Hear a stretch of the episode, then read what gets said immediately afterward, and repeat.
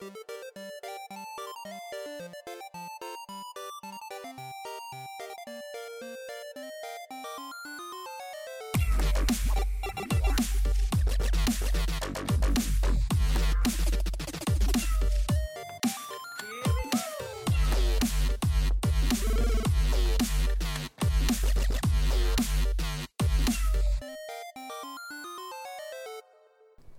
välkomna till Medis Radio Trendigt Värre här på 95,3 Ung Media Radio Stockholm. Nailed it!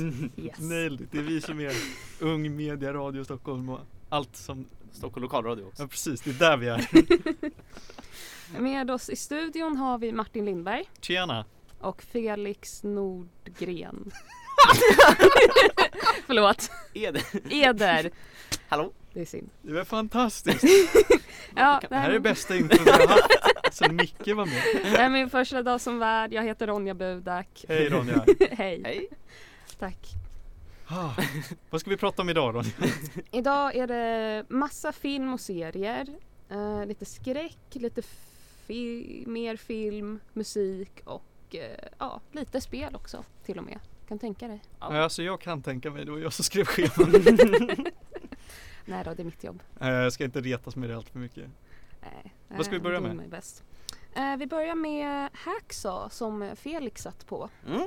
Eh, heter egentligen Hacksaw Ridge som är en eh, film, en krigsfilm som kom ut förra året som är, ja, man kan säga den är regisserad av Mel Gibson vilket är Jaha. lite okänt för det är ingen som vet om det för de har liksom helt döljt hans namn från hela grejen. Har har gått under en pseudonym typ? Nej, det är bara att uh, hans namn står aldrig någonstans. Det står precis, alltså han är lite så här ökänd hans namn är inte så himla bra att sätta i varumärken och sådär för att de What? Ja, han har ju fått lite kritik för vissa antisemitiska uttalanden och sådana grejer. Oh. I vilket fall så typ om man kollar på posten så står det så här From the director of och sådana grejer. Mm. I vilket fall. The Hacksaw Ridge handlar om en person som heter Desmond Doss under andra världskriget.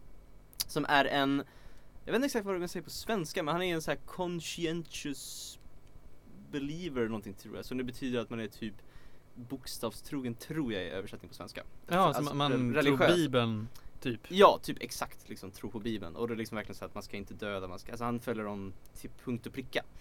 Och så är det så att han känner att han vill liksom, han vill tjänstgöra i sitt land men han vägrar att döda någon liksom. Så att han, han säger helt enkelt att han går och åker till bootcamp och liksom ska Hans föräldrar är emot det för de är också väldigt religiösa. De säger liksom till honom att han är en hillbilly han här, kommer från Virginia och så han bara, "Jag vill tjäna mitt land typ. Eh, men ändå, så han åker till det här bootcampet och så bara vägrar han att, han gör allting jättebra verkligen. Men han vägrar att ta upp ett vapen. Han vägrar att skjuta någon, han vägrar att döda någon. Och de, hans liksom superiors och sergeants och de då liksom förstår inte de så här, men varför är du ens här om du, en, om du inte ens vill vara med? Och han säger bara, jag vill bara, jag vill bara hjälpa människor. Jag vill liksom hjälpa våra soldater. Jag vill vara med och typ så här, ta hand om dem under slaget och sådana grejer och sådär. Och de andra är liksom så här, de bara typ där, de mobbar honom ganska mycket. De fattar inte, de tycker han är jättekonstig och liksom så här. Så man får liksom följa honom när han Dels när han tränar under bootcamp helt enkelt. Du får se liksom hur han, hur han går igenom träningen. Ganska mycket som en vanlig, typ som Full Metal Jacket eller sådana filmer liksom. Mm. Men just bara att han är emot det här med vapen liksom. Så att han får väldigt mycket kritik från Ja men typ generaler och allting liksom. Så man får följa upp det. Man får se det.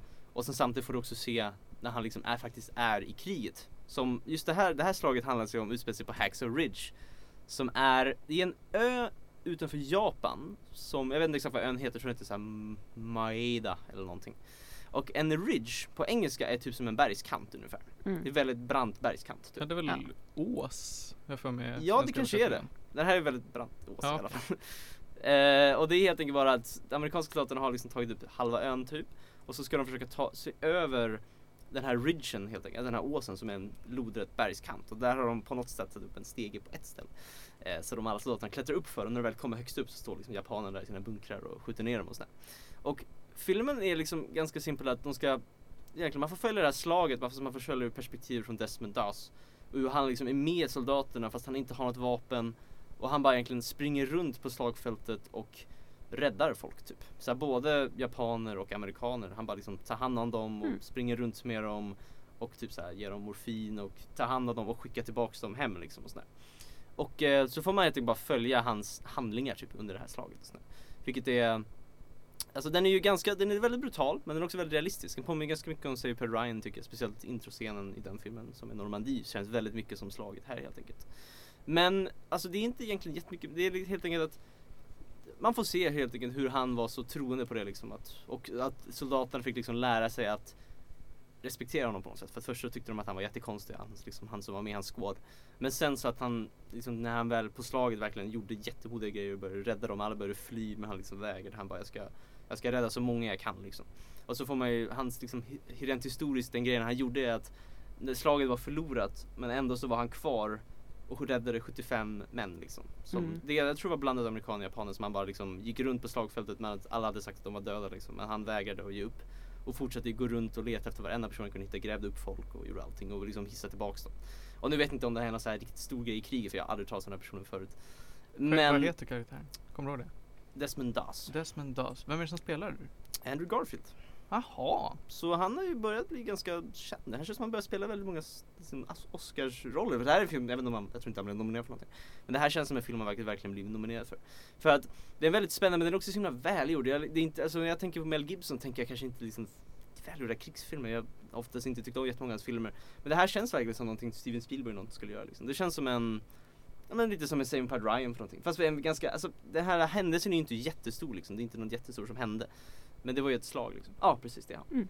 Han eh, verkar finnas på riktigt. Mm, ja, men det, är, det står till och med i början, det står inte ens based on a true story, det bara står a true story. Jaha. Så man Mhm. bara, jag vet inte om man, mig att man inte fick säga så ens. Men, Äh. så det här var en riktig grej som hände. Dock har de överdrivit lite grejer och sånt. Det är inte Mm. så högt.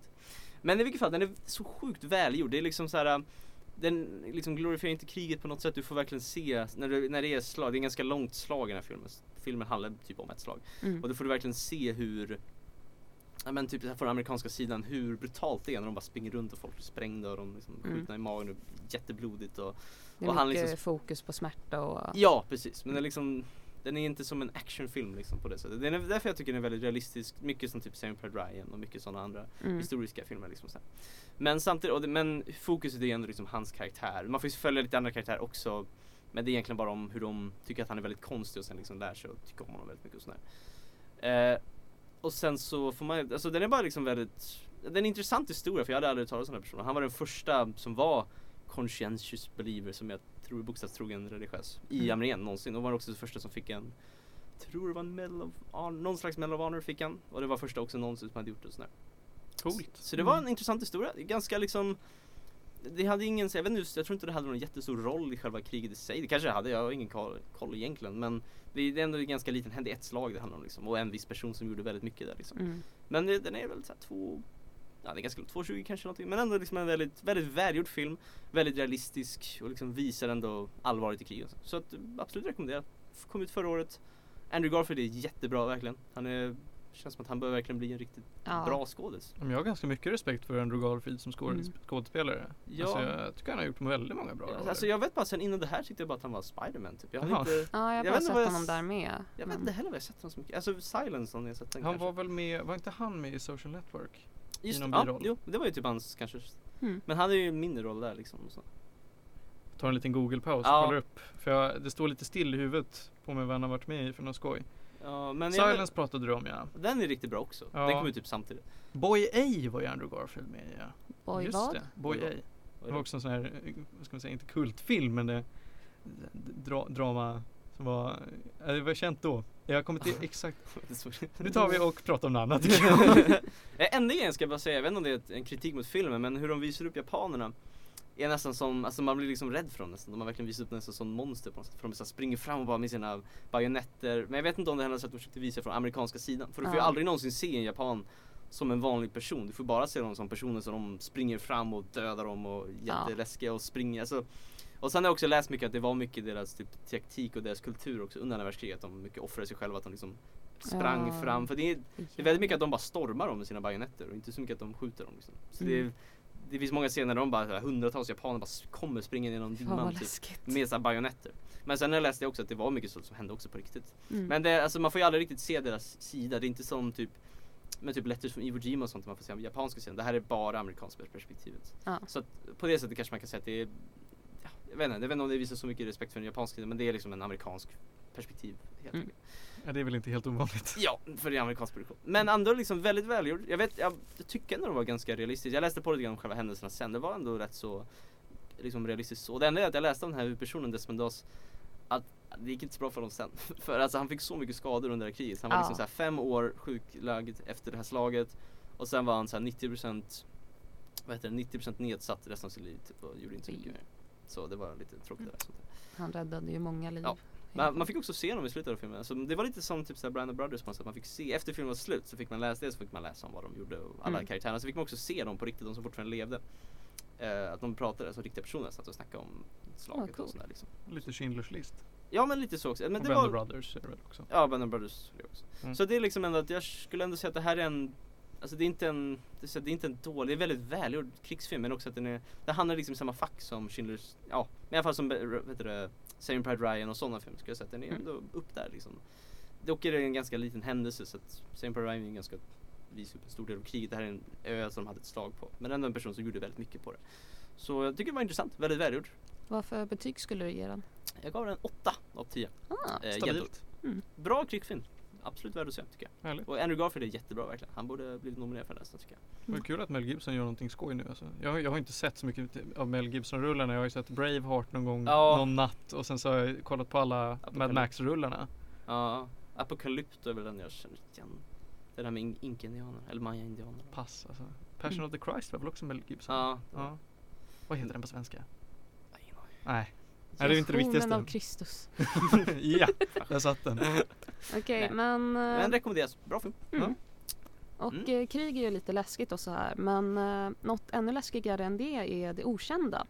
Och då tänkte jag hoppa över till Stephen King som håller på mycket med sånt här. Mm. Och- Snygg övergång. Nice. Tack. Eh, och eh, då är det så att eh, främst jag, jag vet inte, Martin hade inte sett det här och inte Felix heller. Eh, The Mist som är en ny serie på Netflix. Eh, jag är inte säker på om den kom ut i år eller förra året men eh, Jag tror att den kom ut i år. Jag tror Jag tror också att den kom ut i år. tror jag. Okej. Eh, Det är i alla fall baserat på Stephen Kings bok av samma namn och de har gjort en film tidigare av det här Det är också. faktiskt inte en, det är en novell bara faktiskt. Det är väldigt kort. Bara? Mm. Jaha. Det är inte en riktig bok. Eller mm, 80% säker i alla fall. Måste kolla det. Ja, men det, ja, ja, jag tänkte att det skulle vara en novell också för det Ja. känns som ett jävligt konstigt koncept att göra en lång Ja, roman om jag massa. tror att det är, för att det är lite såhär, nej jag har för mig det är en novell. Mm. inte hundra. Han är ju bra på att klämma ur sig långa jävla historier när Ja. Stephen King men du, Mm. ja ja. Mm, I alla fall. Uh, The Mist handlar som sagt eh, eller, om en dimma som väller fram över en stad. En liten så här, småstad där det bor så här, familj, familjer. Det finns en kyrka med pastorn där och eh, poli, korrupta poliser etc. etc. Och i den här dimman så dör folk på väldigt hemska vis och grejer. Och det är alltid olika och eh, det verkar alltid så här vara kopplat till någonting som så här hänt dem förut eller saker de är rädda för. Så lite så här psykologi och grejer. Får jag bara fråga, ligger den här staden i Maine? Kanske. Fan. Jag är... För att de gör alltid det. Alla Stephen King böcker är alltid i Maine. Det är, Alltid med. det är för att han bor där. Han sätter dem alltid var han bor någonstans. Han tittar ut genom fönstret. Bara, Vad ska vi skriva om Där! det? Det är Mm. lite dimmigt idag. ja, där har vi en novell. Tänk Ja. om man dör i dimman. Jag tyckte i alla fall den här serien var väldigt intressant. Det är många, eller det var typ två eh, reviews på Netflix som jämförde med filmen och inte tyckte den var så bra. Och, eh, men jag tyckte det var så här väldigt intresseväckande, den hade bra pacing. Så här, I bör- första avsnittet kanske det var så här mer om familjen, hur de har lite problem. Dottern går på, ett, på en fest så här, eh, och blir eh, våldtagen. Och mamman hade sagt att hon inte får gå men pappan var typ men hon är ung, hon är tjej, hon får gå bla bla bla. Oh, whoops. Yes, så de bråkar lite. Mamman ska åka iväg till sin syster eller någonting med dottern. På vägen stannar de vid en mall. Och i filmen så handlar det mest om bara The Mall har jag för mig. Mm, filmen är nästan bara demon. Mm, exakt. Eller typ det är ett, en butik typ. Mm. Här så handlar det om för typ den som tycker om det svenska språket. Tack så mycket. Men här så handlar det mer om så här, uh, olika grupper som tar så här, uh, vad heter det, refugee, Refuge. refuge i uh, olika ställen. Bland annat så här hus, sjukhus, uh, inne i den här kyrkan. Då är det så här pastorn försöker kontrollera sitt... uh, Religiösa. ja, Mm. exakt. Och han är så här, uh, väldigt emot en hippiekvinna som är där som säger hela tiden att det är så här, det är naturen som försöker få bort det sjuka och människorna som är så här Mm. dålig mot Det eh, låter väldigt bekant. ja. Ja. Så där är så här lite konflikter. Pappan försöker ta sig till den här gallerian för att eh, hitta sin fru och dotter och se till att de är okej. I gallerian så har de så här försökt vara demokratiska och rösta fram saker och eh, det spårar ju såklart. Mhm. Så det här pågår en längre tid alltså? Ja, Alltså hur, exakt. hur, hur länge ungefär? I- man vet inte exakt tror jag men det är åtminstone så här några dagar, kanske en vecka och sådär. För man så här ser att det börjar bli bråk för att maten tar slut och eh, det blir mer så här ehm, ehm, det kommer fram massa problem och folk så börjar bråka och grejer. Så Mm, jag har för mig att det var några veckor i filmen också. mm, Någon, någon sån där var det. mm, probably. Har, är huvudpersonen en polis? Visst är det det? Eller? Eh, I den här eh, så är det, känns det som att det är pappa men det flyttar och hoppar väldigt mycket mellan Ja, olika karaktärer. Så polisen är, han är en lite mindre karaktär skulle jag säga. För han så hänger med hippiekvinnan på, eh, vid kyrkan. Och nu har vi lite läskiga ljud här i bakgrunden. Ja verkligen, det går runt folk utanför studion och det brukar det verkligen inte göra. Nej.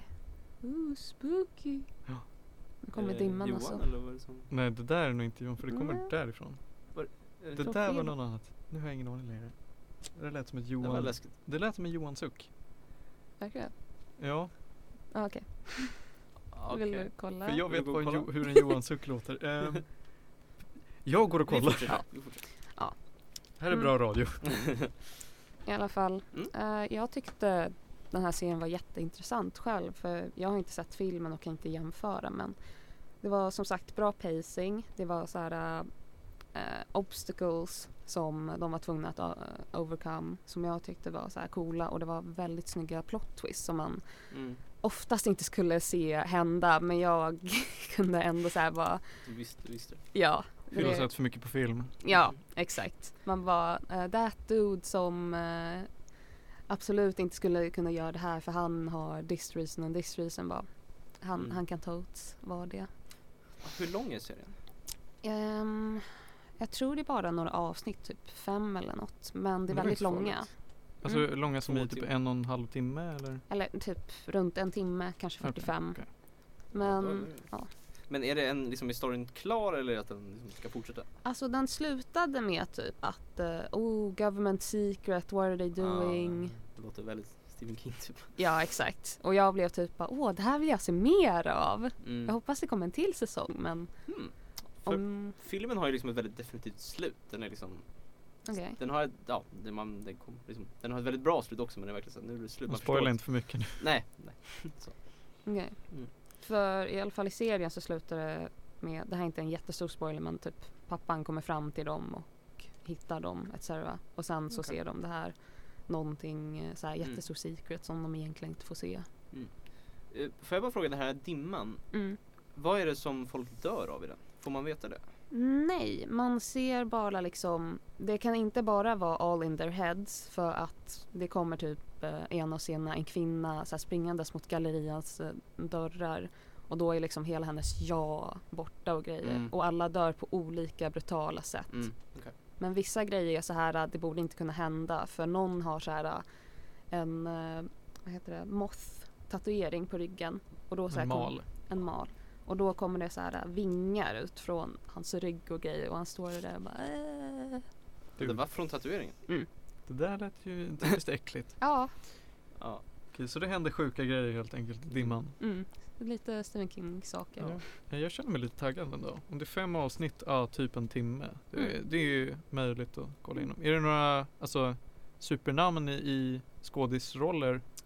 Eller så här, Mm. det, Det är ingen jag känner igen men jag tyckte skådespelarna var jättebra. jag tar och gör en snabb googling och ser ifall vi får fram några schyssta namn. Okej. Och, och karaktärerna i sig, är de också väl liksom, utvecklade och så? Det, Mm, det är typ några som man bara, ja såklart den där karaktären ska finnas. Den hysteriska kvinnan som förlorat sitt barn och hon ska Mm. gå emot någon annan som har kvar sitt barn. Det finns that dude som försöker vara ledare men ändå så står han lite mat. Mm. Och så här korrupt kopp etc. etc. Mm. Ja men det låter ändå Alltså om jag bara får jämföra med filmen, för filmen är ju väldigt mycket mer koncentrerad liksom och sådär. Mm. För den är ju liksom egentligen mest bara att, har den här pappan, har han en son också i serien? Nej men det finns, eh, deras dotter har en nära vän som är en kille. Ja, En gay kille som han tar med sig. jaha. Typ. Okej.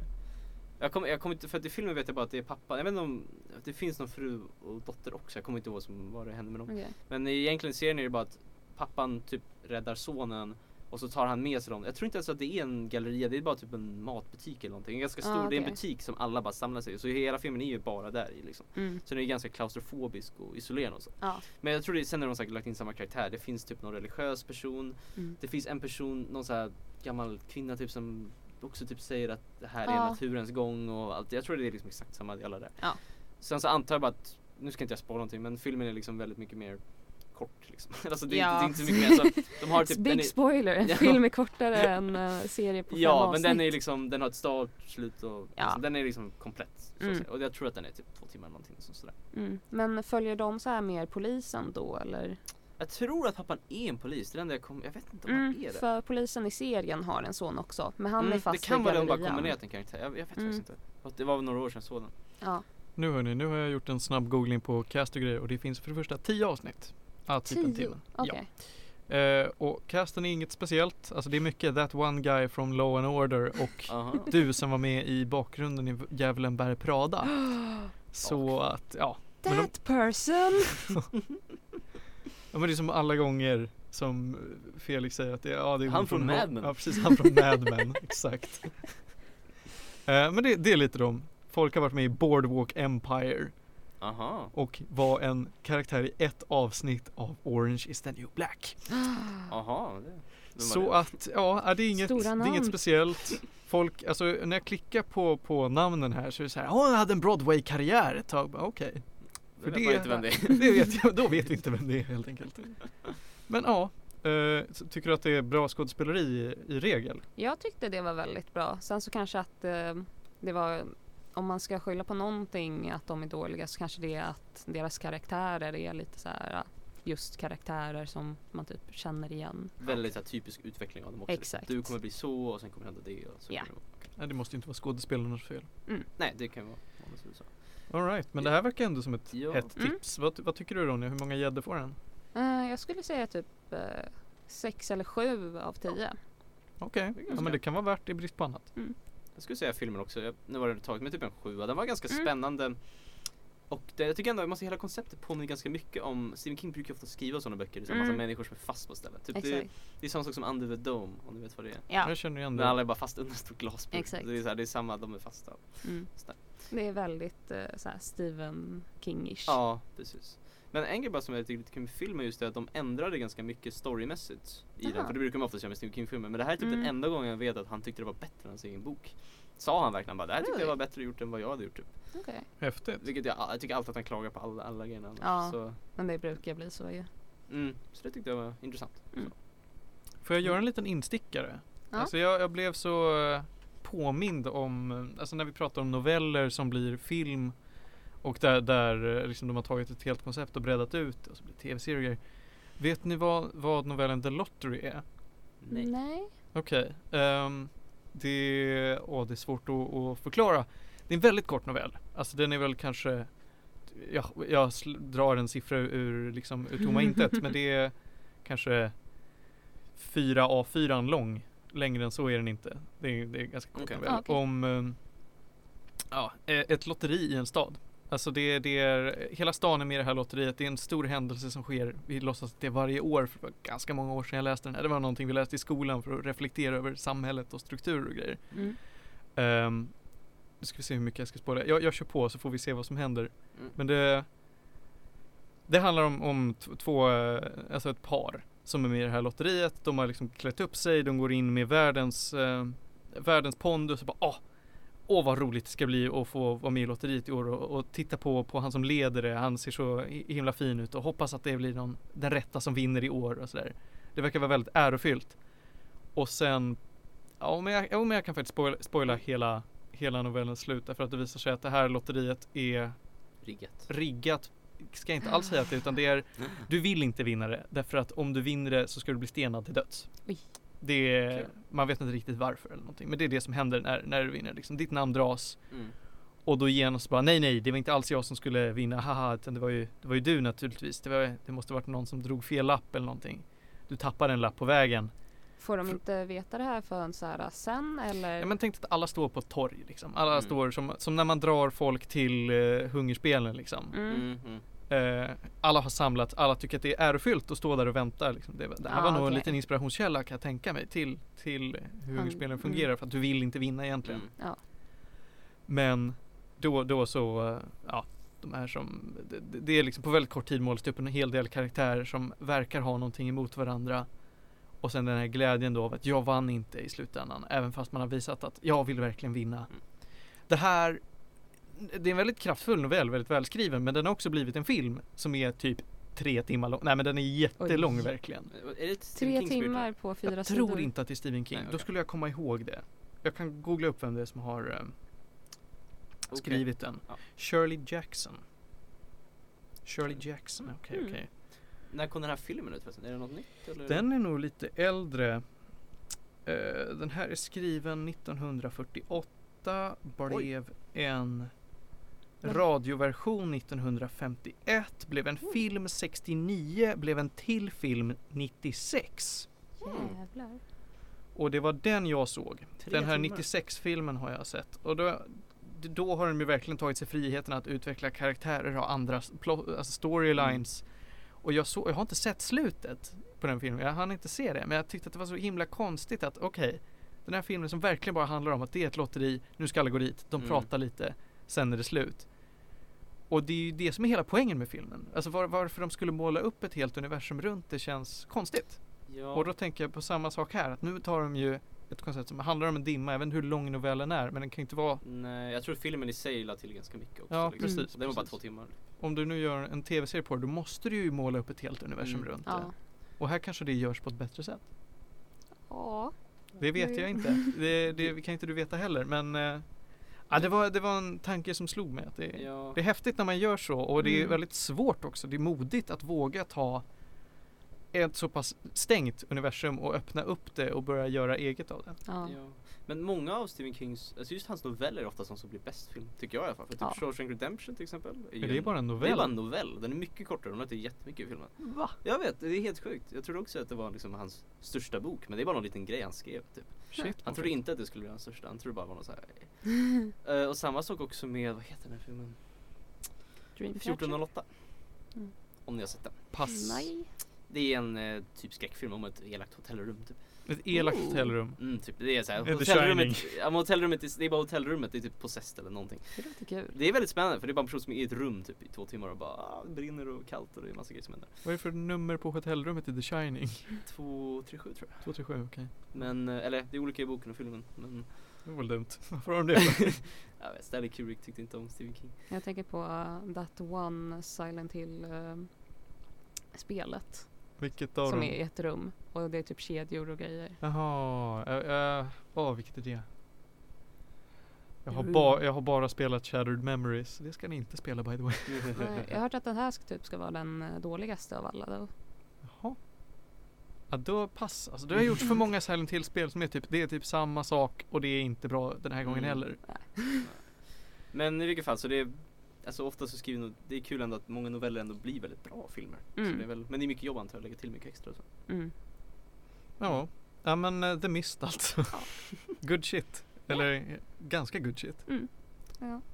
Eh, på en gladare ton så kan vi snacka om torsk på Tallinn. Åh, Ja, det här, men det, det, här finns ingen bra övergång på det här. Det är ju fuktigt i dimman. Och det är lite fuktigt i Tallinn också. Och torsk lever i fuktiga klimat. Så åker de båt. Så åker de båt ja. Ja, jag har ingen aning om vad den här filmen handlar om så det Nej, du, fick, du fick se två minuter innan vi gick in i studion av eh, Lasse Kongo. Ja, Lasse Kongo. Jag, jag kan inte säga, jag Good fick man. egentligen bara ett, jag fick en länk från Martin så bara se det här. Jag bara, ah, men det är väl någon hobbyprojekt någon timme, jag vet inte, ingen aning vad det är för. Jag, jag kollar på det. Och så Mm. visade det sig att det var någon slags svensk kultklassiker jag aldrig talas om någonsin. Mm. Som heter Torsk på Tallinn. En, en liten film om ensamhet. Är det officiella? Ja, det, det är officiella undertiteln.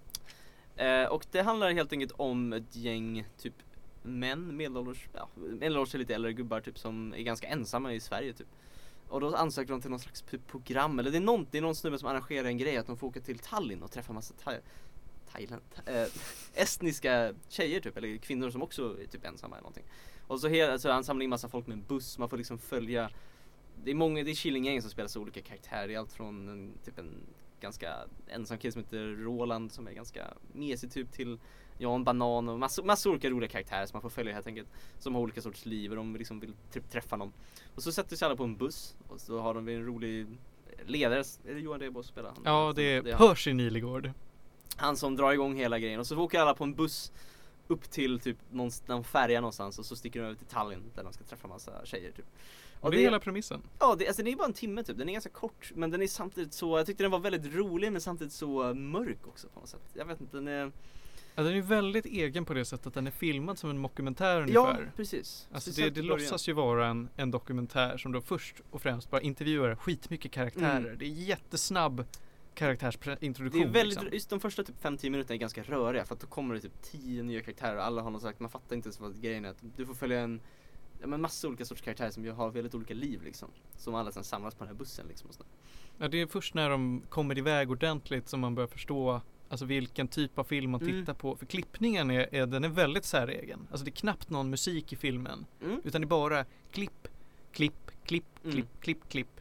Det är finns ju- ingen naturlig övergång. Den är lite som så här äh, dogma-filmad som är någon så här filmterm att man bara har liksom, det som, enda som syns i det man filmar, man ska inte lägga till någon ljud, ingenting, alltså inga ljudeffekter, ingen musik och något sånt där. Ja men Cloverfield, är det, är det så du menar typ?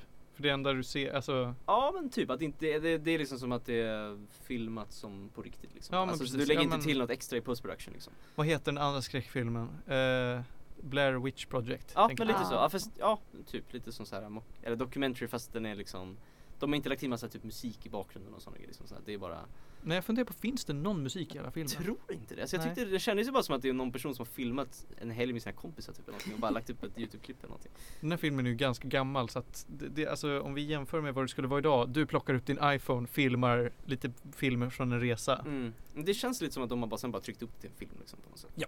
Det är lite så Mm, när gavs den här filmen upp då? När Om det den? var- 91 typ, Ja, jag tror att det var Oj.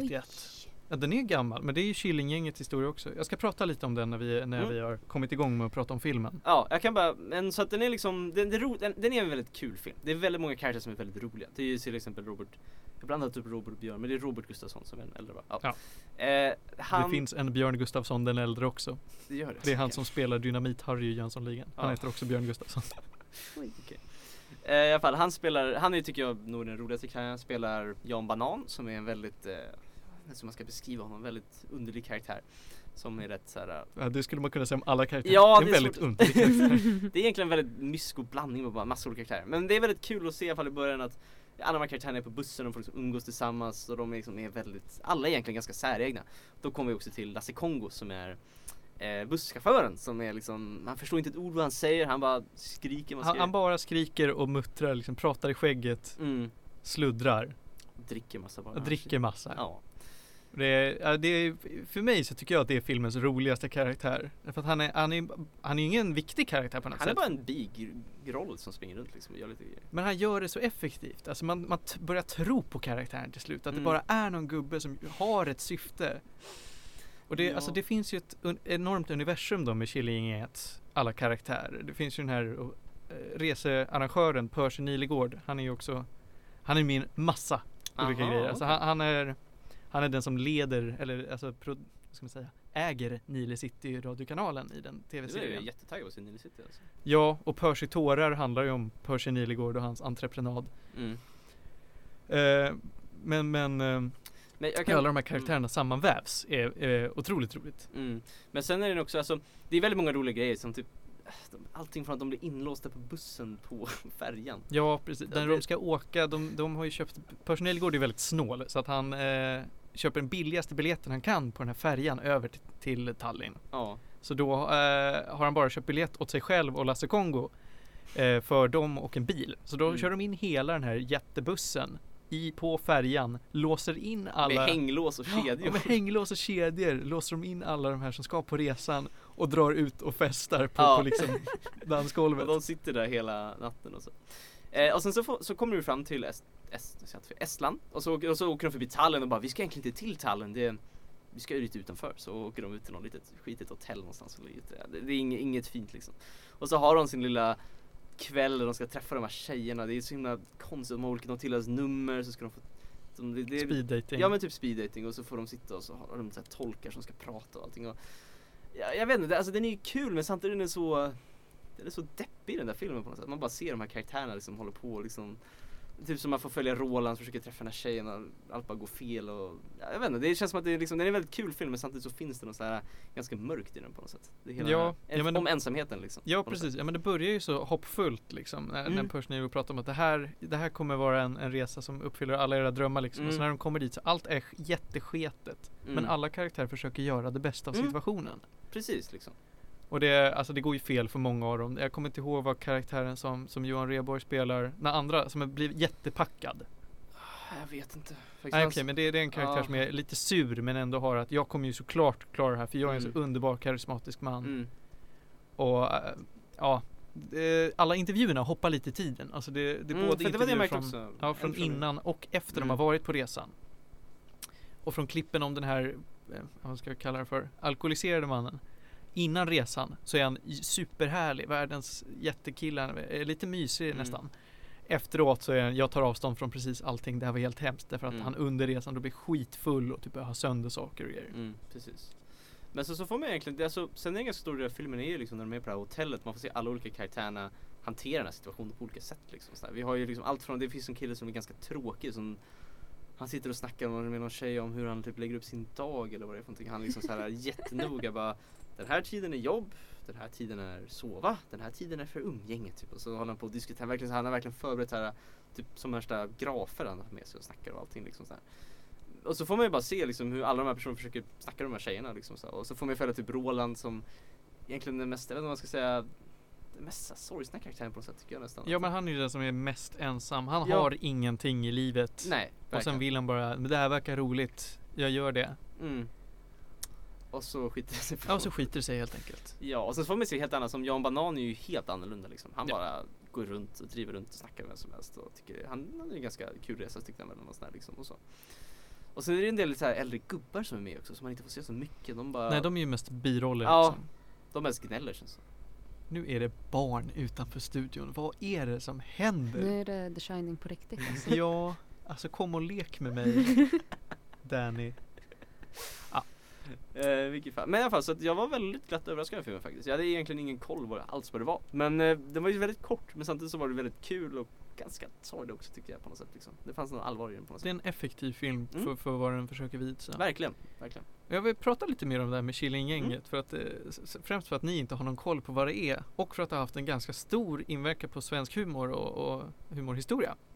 Mm. Eh, och det, jag vet inte hur bra koll ni har på komiker. Men namn som Robert Gustafsson, Johan Rheborg och eh, Henrik Schyffert. Det är ju jättenamn. Mm. Eh, och det här var ett projekt, alltså Killinggänget då som har gjort de här filmerna. De har gjort en massa filmer om, som heter En liten film om någonting, någonting, någonting. Samt eh, att de har gjort Nile City, Percy-tårar, I manegen med Glenn Killing. Alltså hela det där, det är ju ett universum nästan. Men det var ett projekt som Henrik Schyffert startade i, i då slutet på 80-talet, början på 90-talet någonstans. Då de bara sa att men vi, vi, eh, vi är ett gäng, vi gör något kul. Mm. Och sen gick det skitbra. Alltså de här serierna de har producerat har blivit hyllade till skyarna. Ja, det är ju, alltså jag tror inte det är någon som jag någonsin har träffat som har sagt att jag såg Nile City och tyckte inte det var kul.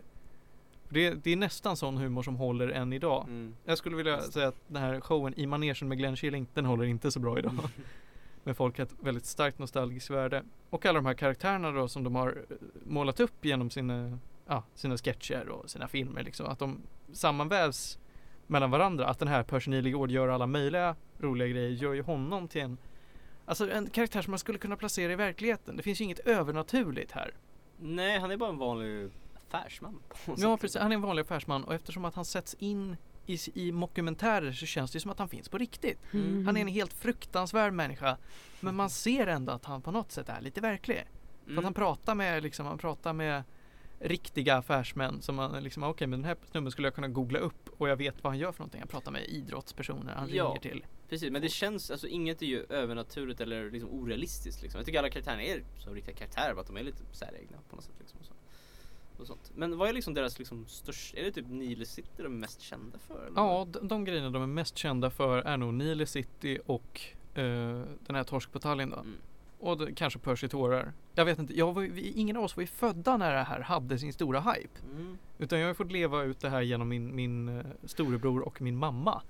Mm. Och de liksom visade att men det här var så här. Får jag se några tidningsutklipp liksom med så här, åh det här, det här är liksom det mest hypade just nu. Nu måste ni gå och se i manegen med Glenn Killing eller den här filmen har Ja. fått superrecensioner Jag, jag eller vad det tror kan det är vara. lite så, för jag har aldrig haft någon förälder eller någonting som ens, jag vet inte om de vet vad det är, alltså det gör de säkert men de har aldrig liksom introducerat något sånt här för mig liksom, så jag visste knappt vad det var för någonting. Ja, ja Och men ni liksom- båda har ju föräldrar som, som eh, härstammar från utlandet mycket. Mm. Så att eh, det är ju lite svårt att få den här jättekopplingen till framförallt då svensk humor om man Ja. inte är jättehype på sånt. Jag har ganska mycket luckor där.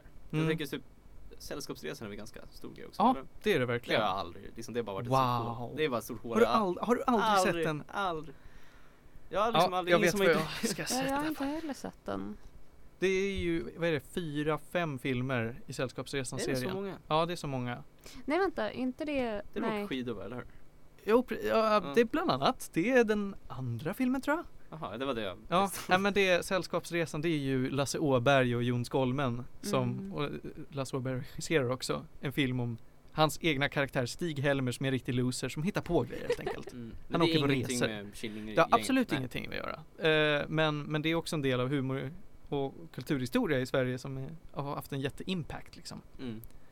Ja, men jag, jag har liksom så här luckor i svensk kultur som jag gärna skulle Jag fixar det här Felix. Perfekt! Jag löser det. Vi ska titta, ja alltså först så ska vi snart ha en teambuilding där jag ska Mm. sätta, vi ska titta på Yrrol som är Lorrygänget, där har Ja, ni ett den- annat gäng. Den har jag sett. Du har sett Yrrol?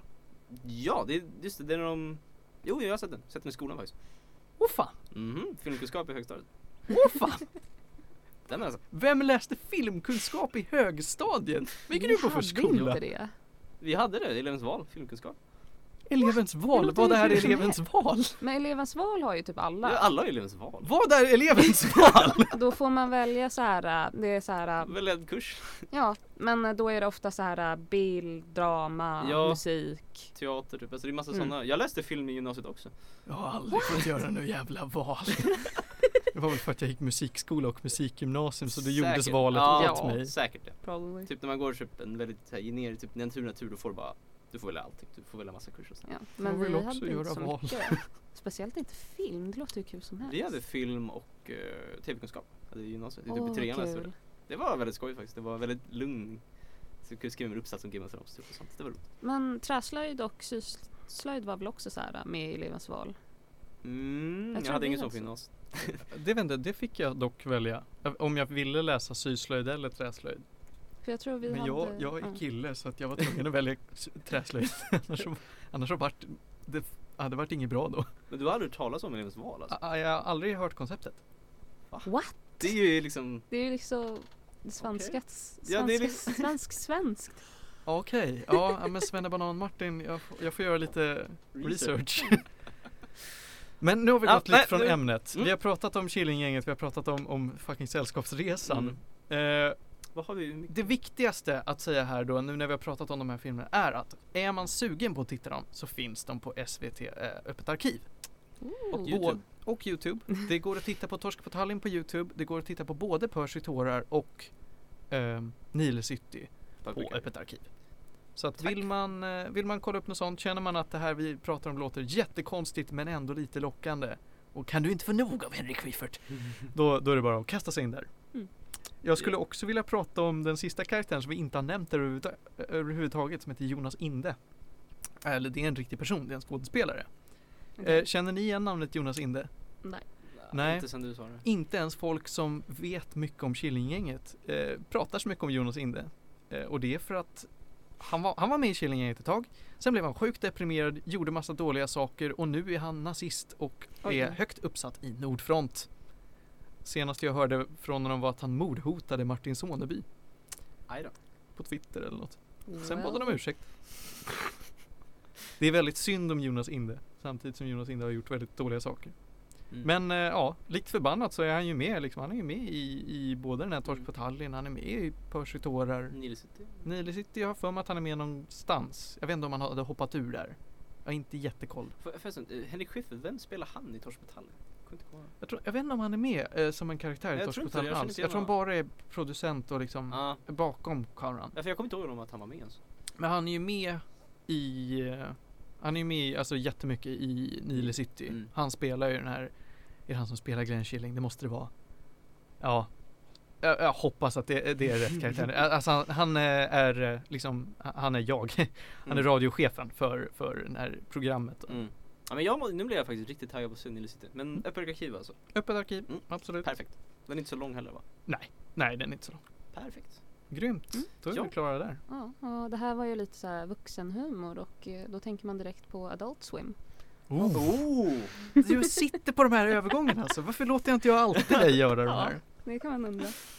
Ja, och Adult Swim har ju eh, Bojack Horse, vad heter han? Det är Netflix som har gjort Det Bojack är det- Horseman. Netflix? Det är Ricky Morty som är Adult Swim. Jo, men jag trodde Adult Swim också hade Bojack. Nej, det är, Är du faktiskt... säker? Jag är rätt så säker. Jag Jo, tror jag- också att det är Adult Swim som har gjort på Ja, Bojack för jag tror det kom ut där först och Är sen har så? Netflix också det. Ja. Jag har aldrig sett Adult Swim-loggan i koppling till dem. Jaha. Ja, det gör det kanske är så. Jag vet. Jo då. Är det så? Jo då, jo då, jo då. Men är det inte att Netflix Eh, typ köpte Bojack? Horseman.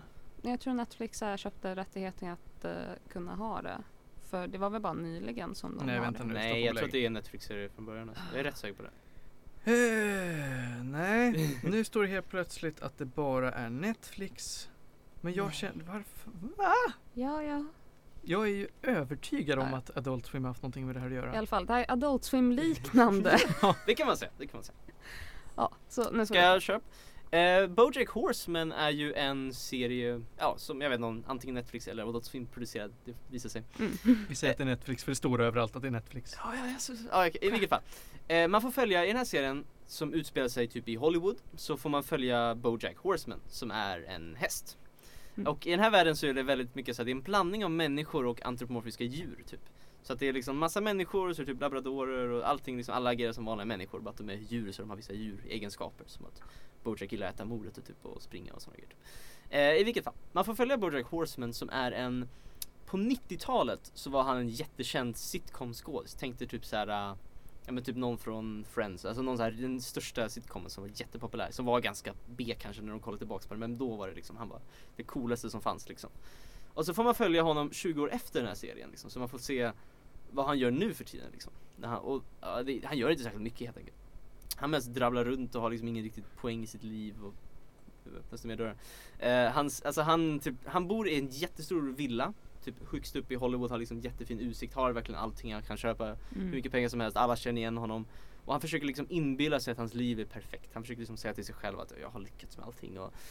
Men samtidigt så får du liksom följa honom och se att han egentligen gör ingenting. Han har liksom ingenting han riktigt lever för. Han mest bara, men lite som Roland på något sätt kanske. Fast kanske lite mer materiellt, har mer grejer. Mm. Men han är liksom mest bara, han driver runt, han har någon agent som inte liksom riktigt gör så mycket. Som han mest går runt och Nu är folk utanför fönstret. Alltså vad är det mycket folk vid midsommarkransen idag?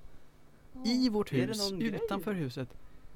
Nu öppnas det dörrar. Alltså jag ska fan gå ut och kolla. Jag kan inte hålla på och springa så här mycket folk när vi har öppna dörrar här. Jag Nej. kanske behöver låsa. Ge, Mm. ge mig en sekund. Vil- vilken dörr är det då? Ja, jag tänkte yt, alltså den, det skulle vara de här dörrarna in till festlokalen. Ja, okej. Varför vår studio ligger i en festlokal, det vet varken ni eller jag. Shh, It's a secret. Vad händer där? Eh, du kan ju fortsätta. Jag kör vidare. Ja. I vilket fall. Man får följa honom när han liksom, ja, driver runt lite grann och så. Och så har han en, han har en kompis som heter Mr Peanut Butter som är en, Det är också ett namn. Är det labradoren? ja det är labradoren. Ja! Och han är liksom verkligen så här, han typ snodde konceptet för hans sitcom och gjorde exakt samma sak. Så han lever ungefär samma sorts liv. För att han är så sjukt optimistisk för att han är en labrador typ. Så Ja. är han optimistisk eller någonting. Är det härifrån den här memen What is this a crossover episode kommer Ja, ifrån? Ja. För att de gjorde typ exakt likadana eh, serier typ. Och så varje gång de träffas de bara Bojack Horseman What is this? A, a crossover episode? Så drar de det skämtet hela varje gång de träffas. Eh, ja okej, och så, så får du helt enkelt bara Ja, varje säsong har lite som olika arcs, så att första säsongen får man följa när han ska försöka skriva sin, han tänker okej jag måste göra någonting nytt i mitt liv, hur, vad ska jag göra? Så han bara, men jag skriver en biografi, det brukar ju kända skådespelare göra Efteråt typ eller någonting Mm. Så han anställer någon sån här Ghost Rider, så börjar han bli så här, lite så här, han börjar bli lite kär i henne och han, hon är typ ihop med labradorkillen och det är så här, han, Han bara, vad gör jag i mitt liv? Han, så här, alltså, man får liksom bara följa honom när han typ går djupare och djupare ner i någon slags depression helt enkelt. Som Mm. oftast bara slutar att han tar massa droger och försöker bara drömma sig bort från den här världen typ. Trist. Den är ganska mörk och sen får man, han får liksom träffa karaktärer från hans förflutna som typ, det finns en Det var en, eh, vet du, en barnskådespelare från den här serien han gjorde Som var väldigt känd typ, eller alltså, som hade blivit någon slags popstjärna så får han på något sätt är lite halvt kompis med henne Och med det så betyder det att de brukar ta väldigt mycket droger tillsammans och försöka glömma bort världen typ Mm. och sådana grejer Ja, det är ju också vänskap har jag hört. Ja, så att Ja, man får liksom, för varje säsong som går så blir den bara typ mörkare så jag tycker egentligen att man blir bättre och bättre. Men du får helt enkelt bara se Att han försöker, han försöker göra grejer med sitt liv, han försöker hitta poängen med det, han vet inte vad han gör, han går runt och ser folk, att folk lyckas, han så här, är ganska ensam Han försöker typ knyta an till människor men han liksom lyckas aldrig riktigt. Det är alltid saker som går fel, liksom folk dör och saker och han liksom Alltså det är liksom lite som en så här existentiell typ eh, ångest på något sätt hela serien. För att han verkligen så här, han bara går runt och bara liksom bara Mm. vad ska jag göra liksom? Och samtidigt så är den väldigt rolig också för att den är så, vad ska man säga, hela Sjukt den hela tiden, allting i hela serien liksom hänger ihop ganska mycket. Att ett avsnitt så snor han di- Det, alltså Det det, här, är det här blir fruktansvärt dålig radio. När det är, alltså det är dörrar som öppnas och stängs och jag tror att det är barn som hänger i dörrarna. Är det barn i studion? Jag, nej, inte i studion. Alltså jag, det är en, i studion med omnejd men varje gång jag öppnar den här dörren ut så är det ingen där. Men jag hör att det är folk som går i gången här ute. Det, alltså det, Det är ju en festlokal så det kanske är någon grej då. Ja, jag ber hemskt mycket om ursäkt, ursäkt till alla lyssnare men det, är- det, är- det, är- Mm. det är kaos i studion här på Medis Radio idag. Dubbelbokning. Eh, I vilket fall, och eh, så att man får egentligen bara, man får följa den här karaktären och hur han liksom, den är, den är ganska kul men den är inte liksom en komediserie så, den är ganska mörk liksom. Det se. stod eh, när jag letade efter så producenter att det var som en eh, situationskomedi. Nej, alltså den, den serien han gjorde förut var en situationskomedi. Den Okej. här han gjorde på 90-talet. Det här är inte riktigt det. För det här är mer som en det kanske man kan säga att det är. Alltså det är ju mycket komedi som bygger på att de är djur typ. Det är mycket så grejer att Mm. de är djur så då gör de djurgrejer typ som är roligt typ så. Men det är egentligen, komedin är inte det största fokuset. Det är egentligen mest bara att du får se typ så här, så fort han lyckas med någonting så får du försöka följa honom och säga bara okej, kommer han ens liksom tycka om det här? Typ han, han skriver klart sin bok och han bara liksom Jaha, jag tror jag skulle känna mig glad nu så men Ja. okej, vad, liksom, vad, vad gör jag? Varför gör jag allt det här? Så får liksom bara fortsätta ner. Och det är mycket så att han typ försöker knyta an, alltså den här serien är väldigt bra för att den vänder väldigt mycket på konventioner. För man tänker så här en, en serie om en person som verkligen försöker det är en scen han försöker liksom återkoppla till hans gamla producent från en sitcom för man vet håller på att dö i cancer. Mm. Det är första säsongen, det är ganska tidigt och han liksom bara Och det känns som en ganska vanlig att han försöker återknyta till en person från hans förflutna och han liksom Han, han var ganska dålig mot honom då för att han liksom ja, han, han var så himla hög Vad säger man? Ja, I alla fall, han var, han var liksom, trodde väldigt högt om sig själv förut. Så han har liksom inte så jättebra relation till den här producenten. Han försöker liksom gå till honom och försöker liksom bli kompis med honom för att han känner själv att shit han håller på att dö i cancer, jag måste göra någonting. Mm. Och då tänker jag mig okej men det är en sån här serie att det kommer gå bra och de kommer bli kompisar. Och han liksom, och han den andra kompisen säger bara jag förstår varför du kommer hit. Jag vet att jag håller på att dö och jag vet att du känner dig jättedåligt men Alltså jag kommer aldrig förlåta dig, jag kommer inte ge dig någon slags liksom, lugn och ro för det du gjorde åt mig liksom. Ja. Så då slutar det med bara att han Bojack bara liksom snälla kan jag bara, jag måste få det, kan du bara säga att, att du att du förlåter mig? Han säger nej, jag, tyvärr. Jag kan Trist. inte göra det. Så det är mycket sånt att det är så här, man tänker såhär va? Det här skulle jag, det här händer ju aldrig. Så det är som man tänker att det, den går och bygger upp väldigt mycket som att det där är som en vanlig grej i serien sen så bara Ja, så, så är verkligheten typ. Alltså. Så Mm. att den är liksom väldigt, den är så Den är väldigt bra men den är så himla mörk i vissa, vissa avsnitt är verkligen Ja alltså det är så, man blir verkligen så här. Det är ett problem också med serien att han är en ganska dålig person också. Det är det. Så Ja. att man tycker samtidigt synd om honom men samtidigt så är allting han gör i hans eget fel liksom. Så Mm. det är mycket så att så det, det är det som är intressant, han är väldigt välskriven karaktär på det sättet. Man samtidigt tycker honom synd för att han mår så dåligt. Han försöker liksom bara hitta någonting i hans liv han ska göra. Mm. Men samtidigt liksom allting som händer är hela tiden hans eget fel. Han, han själv skapar situationer som är väldigt dåliga. Typ, och han liksom försöker Han försöker liksom återknyta till någon gammal barn, inte barndomsvän men han försöker, det är någon gammal kompis som han försöker liksom träffa igen. Och han saknar det så mycket men så slutar med att han nästan har sex med hennes dotter för att han råkar Oj. liksom komma in på en grej och så, så liksom och han liksom kan inte, han kan liksom inte släppa sig själv. Han liksom bara, han försöker bara, han bara förstör allting. Han, det är det han säger också, han bara jag förstör allting jag försöker röra. Ja. Jag vet inte vad jag ska ta mig till liksom. Så.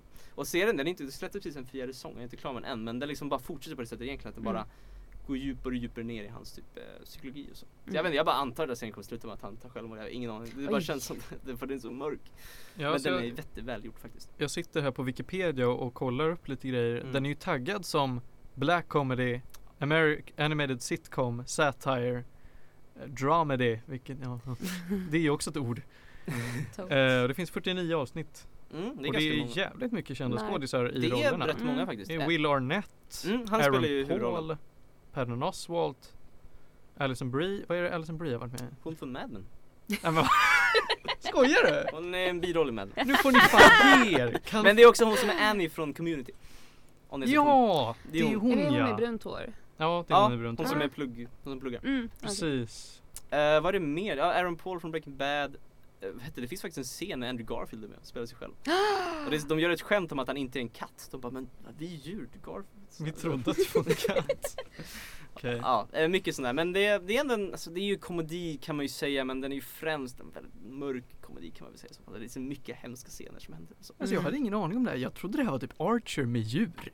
Nej den är ju Jag trodde också jag det och först men jag läste mycket på social media att de tar upp sådana här äh, ämnen som depression, Depression och och, droger. och på ett väldigt bra sätt Ja, också. den är ju liksom Okej. Mm. Ja då kanske man ska ge den chansen då. Ja, det enda är att första säsongen, i, alltså den typ första halvan av första säsongen är De har inte riktigt kommit på vad de gör då riktigt, då är det lite mer som en Ah, okej. Ja, de försöker göra någon slags Mm. komedi men den blir mycket bättre, den blir liksom bättre och bättre hela serien. Mm. Får du några gäddor?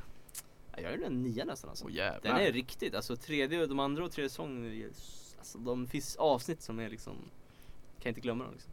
Det är riktigt faktiskt, riktigt välgjort. Mm. Så Bojack Horseman får tumme upp. Mm. Ja men jag tror jag ska Mm. kolla på den faktiskt. Finns på Netflix. Ah, Grymt. Hinner vi med någonting mer nu innan vi tar Jag kan bara paus? super super snabbt pitcha Vänta, vänta. Eh, vi ska, jag hade en bra övergång till Ah, en grej men okej. nu så får vi hoppa istället till eh, den här andra grejen som Felix ville prata om och då har vi eh, depression. Det kan kopplas till musik Oh. som kan hjälpa på många sätt och där har vi John Spencer Blues Explosion. exakt. Det är också ett namn. Jag kan ta det jättesnabbt nu för det är helt enkelt ett band som gör väldigt speciell alternativ bluesrock kan man väl säga. Mm. Och det här upptäckte jag helt enkelt genom att jag såg filmen Baby Driver som har väldigt bra soundtrack. Åh, jag har fortfarande inte sett Jag Baby tyckte den Driver var, alltså. den var Jag riktigt bra. Jag ska Åtta se den. kanske. Jag bara väntar på att få pengar. Det var i alla fall riktigt bra. Och då finns det en scen som har en väldigt bra låt. Jag bara, den här låten den lät bra. Så jag kollade in soundtracket och så bara, vad är det här för band? Ja, så började jag lyssna på John Spencer Blues Explosions och deras album jag lyssnat mest på som är Dirty Shirt Rock and Roll. Och det här är ett väldigt roligt band. Det är verkligen så här. Alltså blues är ju en väldigt konstig genre, det är väldigt svårt att beskriva tycker jag. Men det är liksom helt enkelt, det är ju som att de typ de spelar lite gitarr och så typ gnäller de typ och skriker lite grann typ och så. Och det är typ rock vad jag vet kommer från blues om jag förstår rätt. Ja, Typ någonstans kan man väl säga. Men helt enkelt, så det är väldigt mycket Det är mycket gitarr, de är väldigt mycket Det är väldigt mycket experimentellt Eh, Hur ska jag beskriva det? De, det är väldigt mycket gitarrsolo men samtidigt så är det mycket att de Gnäller om blues typ.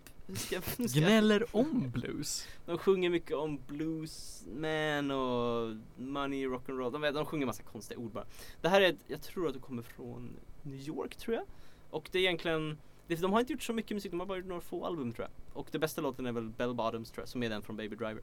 Men är väldigt, så här, väldigt hög takt i musiken, jag brukar använda, jag lyssnar på det väldigt mycket när jag typ jobbat eller typ programmerat och sånt. Och det är väldigt Väldigt kul, kommer man få väldigt mycket energi av det. Och det är liksom De sjunger inte så mycket, det är väldigt mycket mest instrumentellt och sånt. Mm. Vilket för mig passar ganska bra för kan, liksom, man kan fokusera väldigt mycket. Ja. Men väldigt kul, kul musik, det är liksom inget, du kan typ det är väldigt bra bakgrundsmusik tycker jag. Det är väldigt bra så här, du sitter och typ jobbar eller lagar mat eller vad som helst så kan du bara ha på den och det är väldigt högt tempo och det går väldigt snabbt och det är väldigt underhållande att lyssna på man får typ energi av det och så. Jag tyckte Nice. så att kort och gott, väldigt bra band. Lyssna på typ speciellt Bell Bottoms eller hela eh, Dirty Shirt Rock'n'Roll. Okej. Ja, jag får Så. lite vibbar till häromveckan när vi pratade om uh, That Handsome Devil som också är, alltså, det är ganska högt tempo, det är Mm. mycket att de skriker random, random grejer men det finns ändå Alltså det Mm. finns ett underliggande tema och mycket seriösa texter. Ja.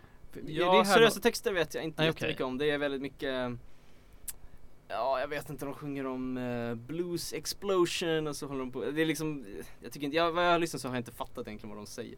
Det är bara, låter- alltså det är mest bara musiken. cool. Ja, det Mm. låter bara coolt. Typ. Det Okej. det, men jag har inte kollat in så mycket djupare i det liksom. Så. Jag ska spela lite Bell Bottoms här i Mm. pausen. Vi tar alldeles strax. Hade du något mer du ville säga? Alltså, Ja, alltså det är liksom Jag har inte jättemycket mer, men helt enkelt väldigt kort och gott, det är väldigt De har väl ingen låt som är verkligen så här äh, Sjukt bra, liksom det är verkligen så här, alla låtarna är väldigt lika, det går mycket konstiga instrumentala grejer, de håller på att testa massa olika grejer Men ändå bara ett kul band, det går liksom ett album, de har typ ett album tror jag, eller två eller någonting, så det går väldigt snabbt att lyssna igenom det Mm. Och har de eh, funnits länge? De har gjort, började på 80-talet, eller 90-talet. Men de har typ inte gjort någonting. Jag vet inte om de har slutat, de kanske inte spelar längre, jag vet faktiskt inte. Ja, jag skulle kunna söka upp det faktiskt. Det kan. Eh, Så jag vet, ja, alltså jag har inte, nu borde jag kanske läst på, men jag vet bara att de kommer från New York och de är någon slags, kommer från en bluesbakgrund tror jag eller någonting. Mm. Nu har jag inte lyssnat så mycket på dem, om de har släppt några nya album nu. Mm. Men ett, bara ett kul, kul grupp liksom. Det är liksom väldigt hög tempo och det är Ja, de, jag tror inte, de har inte lagt så mycket energi på låttexterna tror jag för det är mycket att de typ har en refräng och så sjunger de den typ 20 gånger. Åh jävlar. Så att det är, det är mycket sånt där liksom. Och sen är det också mycket att de bara, ja men nu har vi ingen refräng i låten, det är bara liksom fem minuter av en slags typ gitarrsolo eller någonting. Mm. Fast Här har allting vi det. John Spencer Blues Explosion bildades 91 i New York. Det är en alternative rock trio. Och jag ser en bild på, på eh, en av sångerna som har världens polisonger. Och ser ut att svettas mer än, än ja, mer än en trasa om man vrider ur den. Jag kom inte på någon bra liknelse där tyvärr. You tried. Eh, de spelar fortfarande. De är det alltså? Ja, de spelar fortfarande. Eller de när finns fortfarande kvar. eh, startade de? 91. Mm. Ja, Nej, kort och gott, kul band bara liksom. Det är inget, jag ser inte in något djupare i låttexterna, inte vad jag märkt i alla fall. Men jättebra tycker jag i alla fall själv bara om du ska kanske fokusera på någonting så har du lite blues explosion. Då bara liksom går snabbt och det är mycket som händer och du kan bara fokusera. ja men vi drar på lite bell bottoms här så får vi se ifall lyssnarna får någon inspiration. Så tar vi Mm. paus så länge. Yes! Här kommer alltså Bell Bottoms med The John Spencer Blues Explosion. Här på 95,3 du lyssnar på Medis Radio. Trendigt värre. Puss och kram.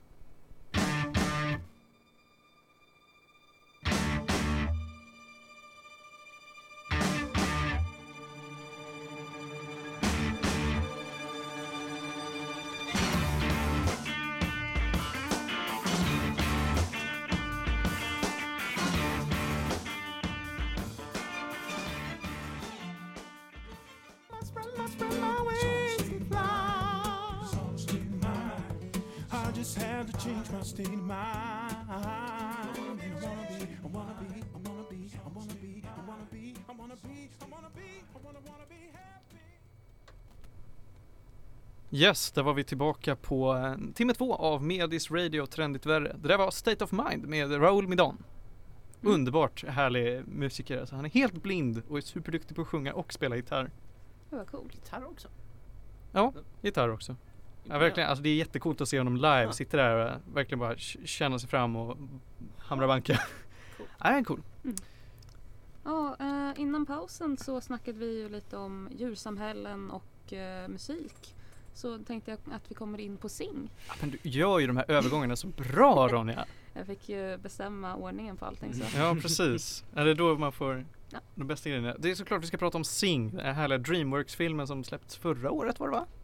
Eller? Ganska ny tror jag. Ja. Den är väldigt ny. Är den det från i år kanske? Sent förra året. Jag, jag tar och, och googlar lite. Det är ju bu att vi under pausen inte kollar upp det här. Ja. Men i alla fall, det är... Det, jag, så här, Från förra året. Mm, jag kopplar lite till Zootop- Zootopia för att det är så här väldigt mycket, det är bara djur och det är så här familjefilm. Men de har lagt fokuset på att eh, den här lilla koalabjörnen som har en eh, teaterstudio, eller vad det heter. Ja, alltså han har en teater. Han har ja. en, en, liksom Dramaten. Mm. Och eh, han, så här, han behöver lite pengar och eh, han behöver få ställa sig mer känt för att det kommer inte folk till hans eh, föreställningar som han tycker har så här bra idéer och grejer. Okej. Så det är inte Dramaten liksom, det är någon lite mindre skala teater? eller? Ja, den har Det- varit i Dramaten. Den, mm. Alltså den har varit enormt känd men sen han köpte Ah. den så har han har Ja. inte producerat någonting bra. Mm. Men det, det är han som är huvudkaraktären i filmen och det är den här koalan som äger teatern. Mm. Och hans eh, sista utväg nu är att hålla en uh, singing contest. Och då, får, så här, då är basically X-factor. Folk får komma och sjunga inför honom och han får välja ut så här folk för att göra en show som folk ska tycka är intressant så att de faktiskt kommer till teatern. Mm. Och ja, Ja det är väl det, alltså det är inte jättefokus på, på karaktärer, karaktärsutveckling. Mm. Det finns där, absolut. Eh, Men det är ju mest eh, alltså, mysfaktor och fantastisk musik. mm, Och väldigt snyggt animerad är den också. ja, Men det, det ja, alltså det, plotten är ganska enkel. Det handlar ju om att den här koalabjörnen ska försöka göra den här föreställningen att folk, eh, olika djur då ska komma och göra auditions och sen ska de försöka få någon typ av liksom, musikshow. Mm. Det är, Mm. That's it. mm. Humorn är rolig, karaktärerna är jättehärliga. Det är skitmycket bra skådisar i den. Jättemånga. det kända namn liksom? Ja, Mm. jag, ska ta, jag ska ta och eh, ta ett gäng här. Vi har Matthew McConaughey som Oh. gör uh, huvudkaraktären Buster Moon. Det är väl som koalan? Ja, det är koalan. Han gör väl musen också? Nej, musen är det Seth MacFarlane som gör. Ja just Är det, jag blandade ihop Mm. dem. Musen Mike. Eh, och det, ja, det tog mig ett tag att, att Jag inse att det var Seth MacFarlane. Var... Han, han gör en väldigt härlig accent Mm. Och det är faktiskt. Så här New York accent. Typ. Vi har, annars har vi Reese Witherspoon som gör rösten till en gris. Scarlett. Johansson som gör rösten till ett piggsvin. John C. Reilly, Ah. eh, han som var med i den här nya King Kong-rullen. Bland Ja, han är ju lite såhär med i typ Step Brothers och sådana Ja, precis. Ah. Vad, vem var den här karaktären? Kommer du ihåg vem Eddie var? Nej, du är inte jag på namn. Eh, är det, är det... Nope. Jag tror att det var giraffen som var Eddie. Men giraffen var inte med så mycket. Nej, den var inte med så mycket. Äh, skitsamma. Eh, två, två namn jag skulle vilja slå extra stora slag för är då Taron Egerton. Den här härliga killen i Kingsman. Ah, yes. Eh, som gör rösten till apan Johnny. mm. Eller gorillan John. Ja. Don't call him a monkey. He's an ape. Ehm, och Tori Kelly som gör rösten till elefanten Mina. Mm, hennes röst var så bra. Mm, Tori Kelly, hon är en musiker. Mm. Aha, okej. Eh, så, så vitt jag minns, ja precis hon har varit med i Michael Bublé musikal. Oj. Gör soundtracks till Jimmy Fallon, Ellen och Today Show. Wow. ah, ah, hon, hon, är, hon är musiker helt Mm, enkelt. okej. Ja, och den här Hon kom inte med i American Idol står det här. Hon sökte till men kom inte med. What? Ja. Den här filmen är i alla fall så här klassisk familjefilm. Det är så här, handlar om massa olika karaktärer som har sina egna problem. Någon är rädd för att göra sin pappa besviken. Någon är jätterädd att sjunga inför folk. Det finns en mamma med typ jättemånga barn och hon vill så här känna sig ung igen och få Mm. göra det hon tycker om. Etc. etc. Inte överdrivet komplicerade karaktärer men de fyller en funktion Mm. liksom. Mm. Och filmen är två timmar lång. Två timmar och med. Två timmar. Ja. Ganska mycket. Ja men det fylls mycket av musiknummer Det- liksom. ja. Mm. Det är coola flashiga nummer med, Mm. med liksom supersånger. Mm. Mm.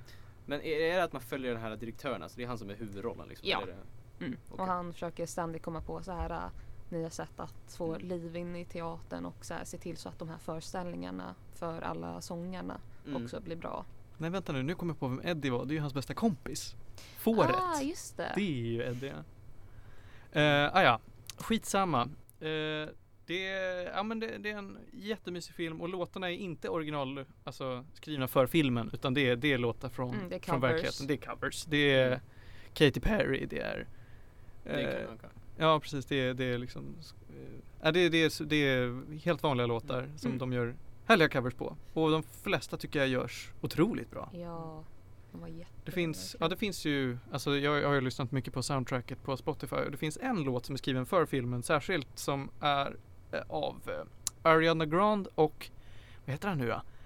Eh, Stevie Wonder. Ah, Det är eftertextlåten. aha, den kommer jag inte ihåg. Eh, Faith heter den. Den, eh, den vill jag verkligen slå ett slag för. Jag skulle ha spelat den i pausen men det sket sig. Därför att jag är var för upptagen med att gnälla på folket som eh, har barnkalas utanför. Har vi fått reda på det nu. Mm. Så. Så det är inte en skräckfilm. Men vet ni vad jag gör? Jag skiter i outrot och så spelar jag Faith med Ariana Grande och eh, Mm. Stevie Wonder sen när programmet är slut. jättebra. Men det här var alltså Dreamworks-film alltså? Ja. Mm. För det låter ganska mycket som en sån här film Dreamworks skulle göra typ. För Mm. att det är inte så här Disney, Disney har ju alltid de här Ja, sagor och allting. Och Pixar har ju oftast ganska Okej, det låter lite konstigt men jag tycker alltid Pixar har väldigt unika koncept på något sätt. För det här låter som en ganska, ändå ganska vanligt Mm. koncept att de har en talangshow och det Den är generisk. Ja det, det, det låter, alltså Mm. inte att den behöver vara dålig men den låter som ett ganska simpelt koncept liksom som kanske är väldigt bra utfört liksom och så. Ja, jag undrar varför jag tyckte om den så mycket för det är verkligen bara ett vanligt koncept som eh, gjorts väldigt mycket. Ja, alltså jag, för mig så var det att jag såg den pre- vid precis rätt tillfälle när jag behövde det som mest. Jag låg och var jättedeppig och kände att Nej, men nu ska vi göra någonting roligt. Mm. Vi ser en mysig familjefilm liksom. Mm. Med lite härlig musik. Och då var det så att jag låg liksom i min säng och nickade med till all musiken. Och bara, ja men det fyllde sin funktion. Mm. Ehm, men man ska inte gå in med världens förhoppningar liksom. Den är, eller ska man det? Jag får med att den har typ För- 8,1 på IMDB eller något. Mm, för jag, jag satt och hypade den lite. Jag såg så här lite trailers och grejer bara, det här verkar jättebra. Ja för jag tyckte, jag såg trailern och tyckte jag bara sju- det här 7,1 såg Okej, jag. okej. Det är fortfarande jättebra. Ja, men jag vet, jag såg, jag såg trailern någon gång på bio bara någon gång och jag tyckte ändå så här, det här ser ju ut som en ganska kul film. Jag tyckte ändå det såg ändå ganska liksom vanligt ut. Det känns som att det är en ganska vanlig animerad Mm. film på något sätt. Ja, Liksom. du blir aldrig överraskad. Nej, Alltså, det... var det jag kände när jag såg trailern också. Att det, är så här, det ser lite kul, småkul ut typ. Så. Ja, men det, är liksom, det gör inget, det är liksom Nej, det man vill ha Mm. Mm. av filmen. Den fall. försöker inte vara mer än vad den är och därför Den lyckas väldigt bra med det. Ja precis, Mm. därför så vill jag ge den lite cred. Jag skulle säga att det är väl så här, en- ja, alltså 7,5 gädda, alltså inte 7,1 men 7,5 gädda av Det är 10 bra Det säger jag med. Det bra. funkar jättebra. Mm. Alltså en mysig film liksom. Se den när, när du, Det låter som en väldigt bra så här, sitt familjefilm. och typ. mys. Ja, sitt och mys med, med barnen eller sitt och mys med din, min pojkvän eller något. Mm. Mm. Ha det så, ha det så skönt. Låter Det var väl det vi hade att säga om Sing. Och eh, mm, på, på tal om, eh, vad heter han? Terran... Taron Egerton. Ja, och eh, att han ska spela apa. Nu spelar han eh, en till apa fast i ett spel. Beyond Good and Evil 2. Ja, hur mycket koll har ni på Beyond Good and Evil hörni? Ettan tar vi främst då. Jag vet att det är någon slags gammalt kultspel om någon fotograf i framtiden. Hur mycket vet du Eh, Ronja? Jag såg trailer till båda spelen idag bara innan jag kom så. Ja, jag, jag gav ju det lite, jag ska inte säga läxa, men, men jag skickade trailern till tvåan Mm. till er och bara Åh hörni, kolla på det här, vad tycker Mm. ni? Ser det nice ut? Mm, den kom ju ut vid E3 och då Mm. såg jag den. Jag såg, precis då såg jag den också. Mm. Mm, nej, jag hade inte sett den på E3, det var ju lite dåligt av mig. När jag sitter och bara Åh guys, kolla här! Fan jag är ju, jag är alltså. först. nej, men eh, då Beyond Good and Evil, det är ett Ubisoft-spel. Det Mm. kom ut, jag för mig till 2005 eller någonting. Mm, någonstans där. precis. Plus minus något år. Till eh, gamla Xboxen, det är till PC, det är till eh, Playstation 2. Jag tror det kom till GameCube också. Ja. Jag är inte säker, det kan ha varit lite sent för GameCube. Okej. Eh, men det handlar om Jade som är som är en fotograf helt enkelt i någon typ av futuristisk värld fylld av antropomorfiska djur och saker som inte riktigt ser ut som djur utan snarare som aliens.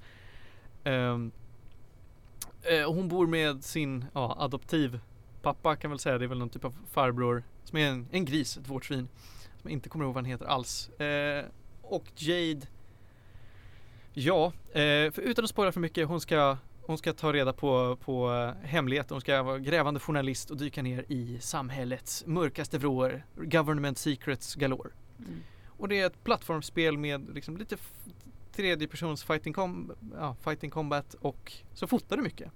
Du fotar djur främst. Du fotar liksom allt från fjärilar till flygande valar till folk på stan som bara åh, titta här är en typ av noshörningsmänniska. Den fotar vi. Är det samma fotomekanik som typ Bioshock? Att du bara tar fram en kamera och Typ. fotar grejer? Typ. Ja. Eh, och fotar du massa grejer så låser du upp bonusar helt enkelt. Okej. Låser upp nya fighting moves och sådär. Eh, det är riktigt kultspel. Det är en väldigt bra historia. Det är inte allt för långt. Eh, men det- ja, det var väl inte jättepoppis när det släpptes men det har fått ett, en, en enorm kultstatus. Och jag tycker att det bästa med hela spelet var musiken. Ja. Men det har i flera år hypats upp att det skulle komma en tvåa för att det slutar med en jättekliffhanger. Eh, och det har varit under produktion flera gånger, det har lagts ner flera gånger. Det har funnits en trailer som kom ut kanske 2009 eller någonting. Som var, den var skitsnygg också och verkade vara väldigt kopplad till, till ettan. Eh, sen hände ingenting. Och nu på E3 så kom det en ny trailer som har tagit spelserien åt ett helt annat håll alltså. Nu är det en enormt öppen värld vi får se i den här trailern Mm. till tvåan. Med, alltså det är väldigt vuxet, de svär något enormt, det är våld Herregud. Och det är så otroligt snyggt. Så Mm. snyggt. Det är ju Pixar nästan. Ja, är verkligen. Kopplingen till ettan är dock jättevag i den här trailern. Mm. Jag Jag vet inte vem i karaktären, alltså vem i trailern som var Jade. Jag tror att jag listar ut vem som skulle kunna vara Jade men jag är inte ens säker på att det var Jade. Men är det ens hennes story som fortsätter eller sån Jag har ingen aning. Okej. Jag vet inte. Men jag fick se lite gameplay-demos också. Har ni sett Ah, någon, någon av de här? nej. Nej, det Finns det finns, en, ja det var någon Ubisoft-gubbe som satt och Mm. Visade upp eh, den här apan då som spelas av, vad heter han nu, Taron Egerton. Yes. Eh, den här apan Nox då, som är med i trailern. Jag tror att han är väl en av huvudkaraktärerna i trailern. Eh, visade hur man rör sig runt i den här världen som de målar upp då. Mm. Och det är att man är i yttre, yttre rymden, liksom, du är system 3. Det är kulturer från, eh, från alla världens hörn. Det är liksom Mm. det finns buddha-statyer, det finns eh, Ganesh-statyer. Det är liksom, alla religioner har bara mix and mash och det Mm. Ja det är så mycket intryck såg och väldigt kultur. intressant ut, allting bara. Jag bara Ja. Mm. Men det är verkligen, du sitter i mitt i smeten av, av ett eh, kulturellt mishmash-samhälle. Ja. Och det är säkert någon typ av elak, elak stat som styr eller någonting. Ja. Mm. Eh, var, vart spelet kommer hamna, i vilka, alltså hur mycket rollspel det kommer vara, hur mycket fighting det kommer vara, det vet jag inte. Men det var mycket fokus i den här gameplay-demon på, på hur mycket du kan utforska och hur stor världen är. Mm. Och då kan man ju tänka att 2005 om de försökte göra upp samma, måla upp samma värld, då är inte det lika lätt. Det var ju väldigt begränsat liksom. Grafiken i ettan är, den är inte överdrivet snygg. Mm. Och det är mest som att du åker runt i ett ja, Karibiensamhälle. Mm. Det är mycket så att du åker runt på båtar mellan Mm. öar och gör saker.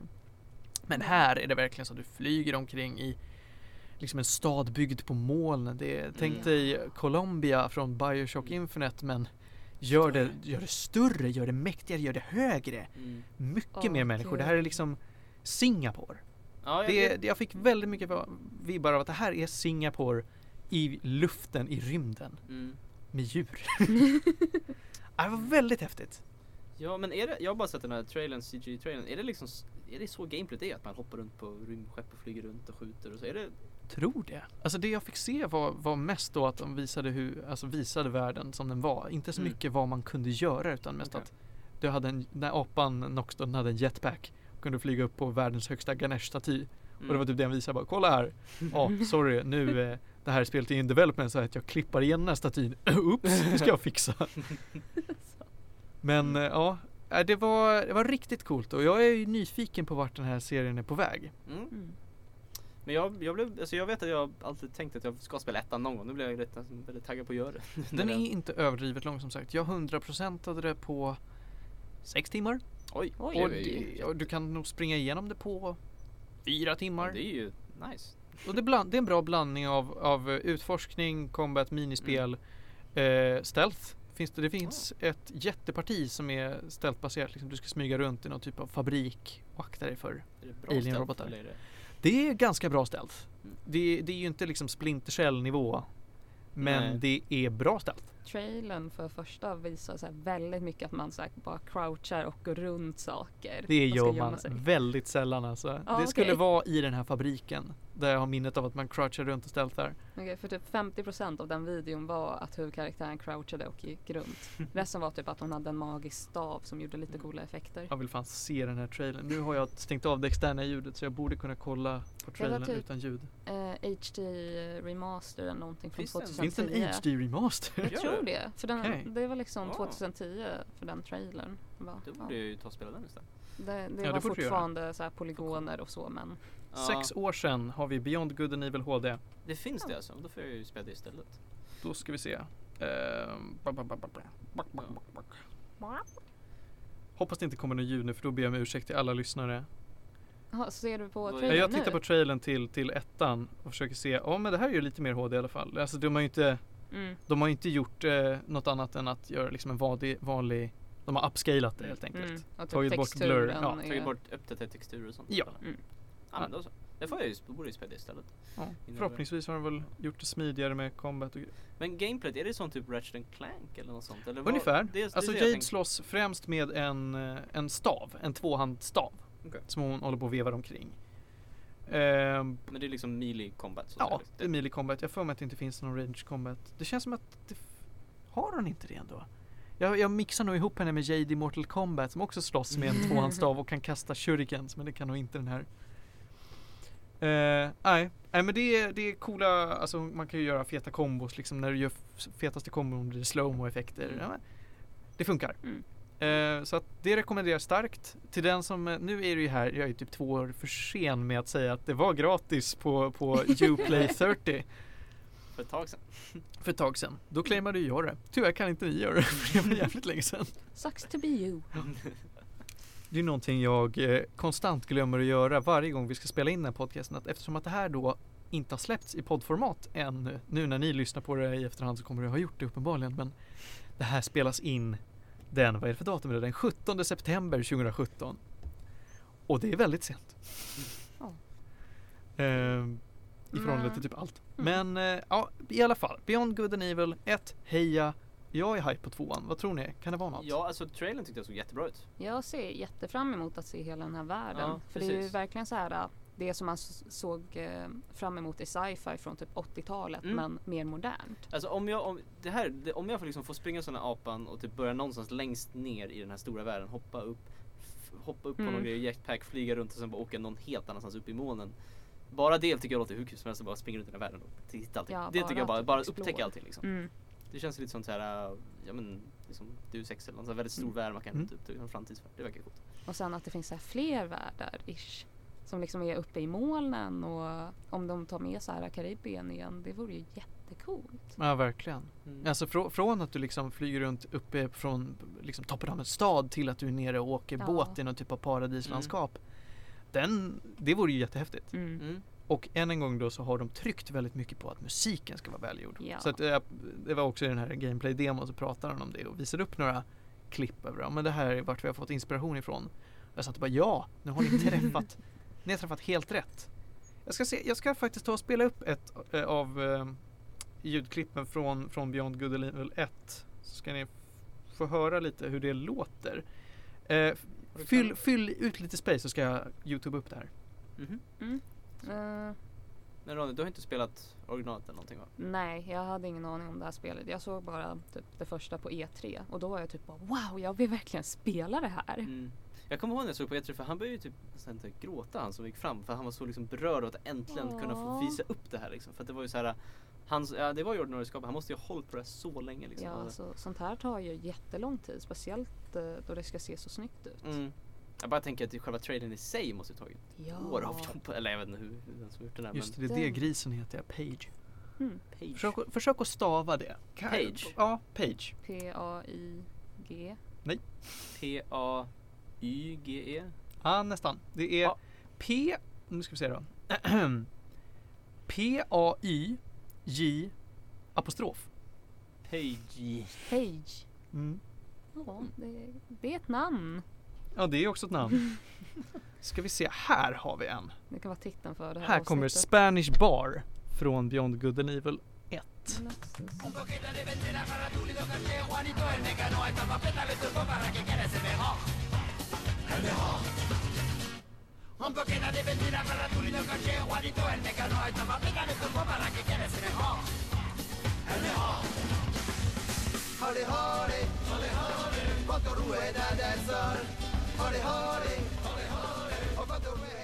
Ja, det är väldigt, eh, vad ska man säga, orientaliskt och jag har för mig att det där är när man eh, racear, tävlingsracear båtar. Så Mm. spelas det där. Det var jättebra. Mm. Ja, hela, hela det här soundtracket är fyllt av helt sjuka eh, soundtracks. Ja, Ska se om jag hittar, nej. Den behöver vi inte lyssna på men propaganda. Det här har jag hittat propaganda men vi, vi skiter i den för Mm. det har vi inte tid att lyssna på. Men eh, det, det kan ni youtube upp om ni är sugna. Mm. Ehm, Ja men nu blir jag taggad på att spela det också. ja, Det är ju en. City, det får jag se till att spela nu. Mm. Ja, härligt.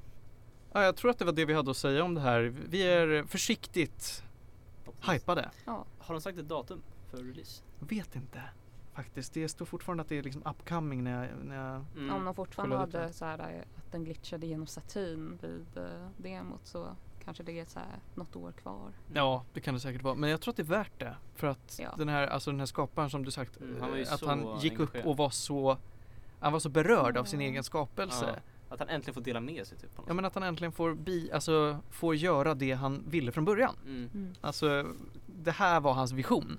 Ja och det är väl ganska bra att han är med också istället för att Ubisoft skulle liksom börja mjölka ut det på något sätt. Liksom, Mm. så. Ja det är det, folk är ju väldigt duktiga på att gnälla på Ubisoft men Ja. de är inte all bad.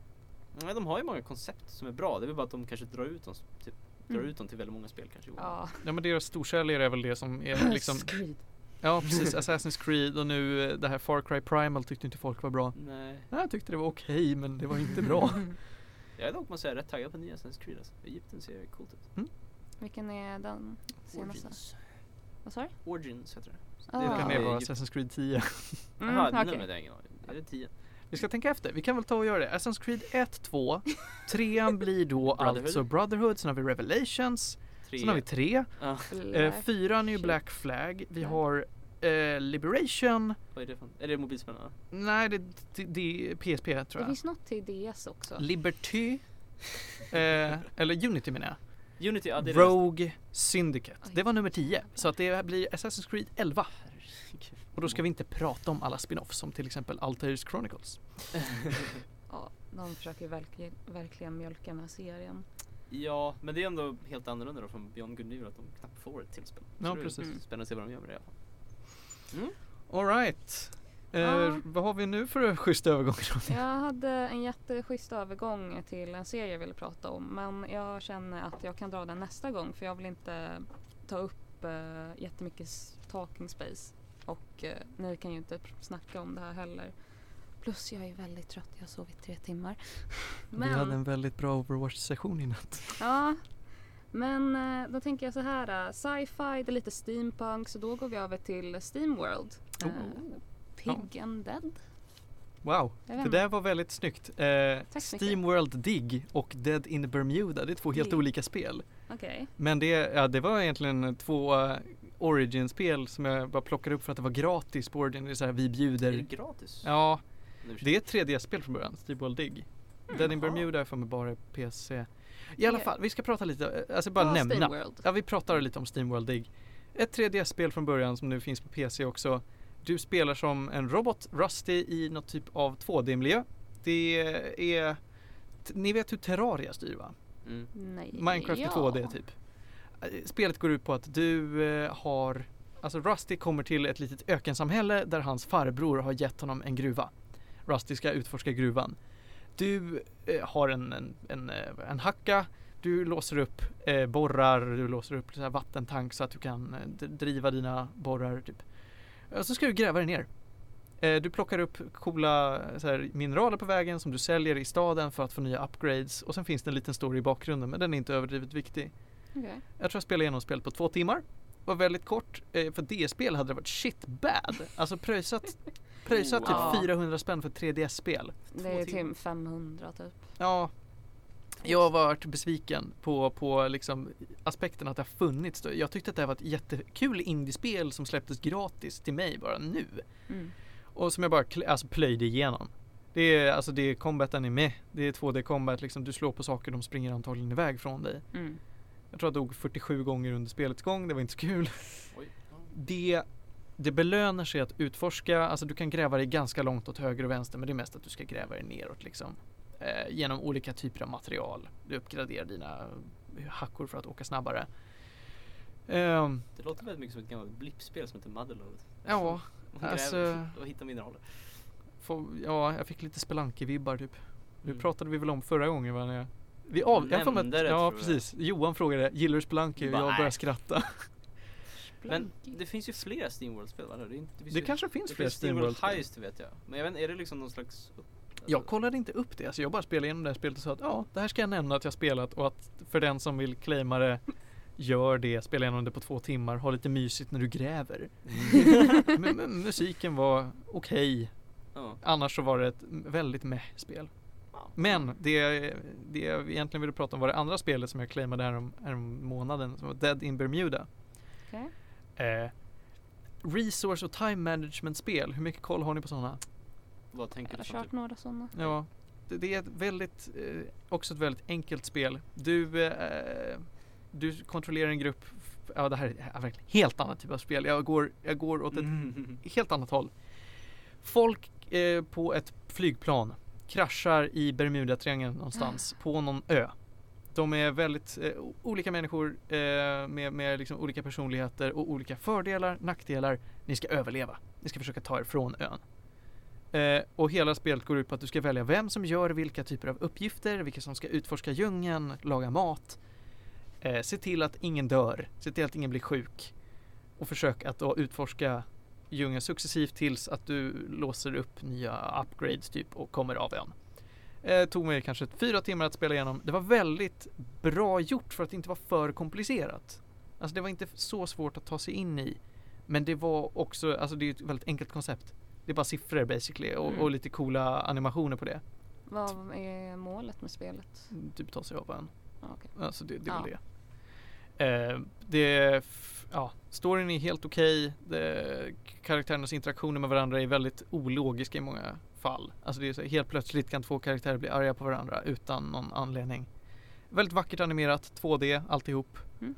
Eh, eh, det, är ganska, alltså om det inte är fortfarande gratis så är det väldigt billigt. Så att ki- kika in det om ni har någon timme att lägga på, på mm. något. Alltså det, det här är ett väldigt gammalt koncept. Alltså det är Mm. inget modernt överhuvudtaget med att göra ett spel som bara går ut på att du klickar runt olika karaktärer på att göra saker. Ja. Men ja, I like it. solospel. Det får båda Steamworld League och, eh, och Dead in Bermuda får två små tummar upp. And that's it. Amazing. Yeah. Mm.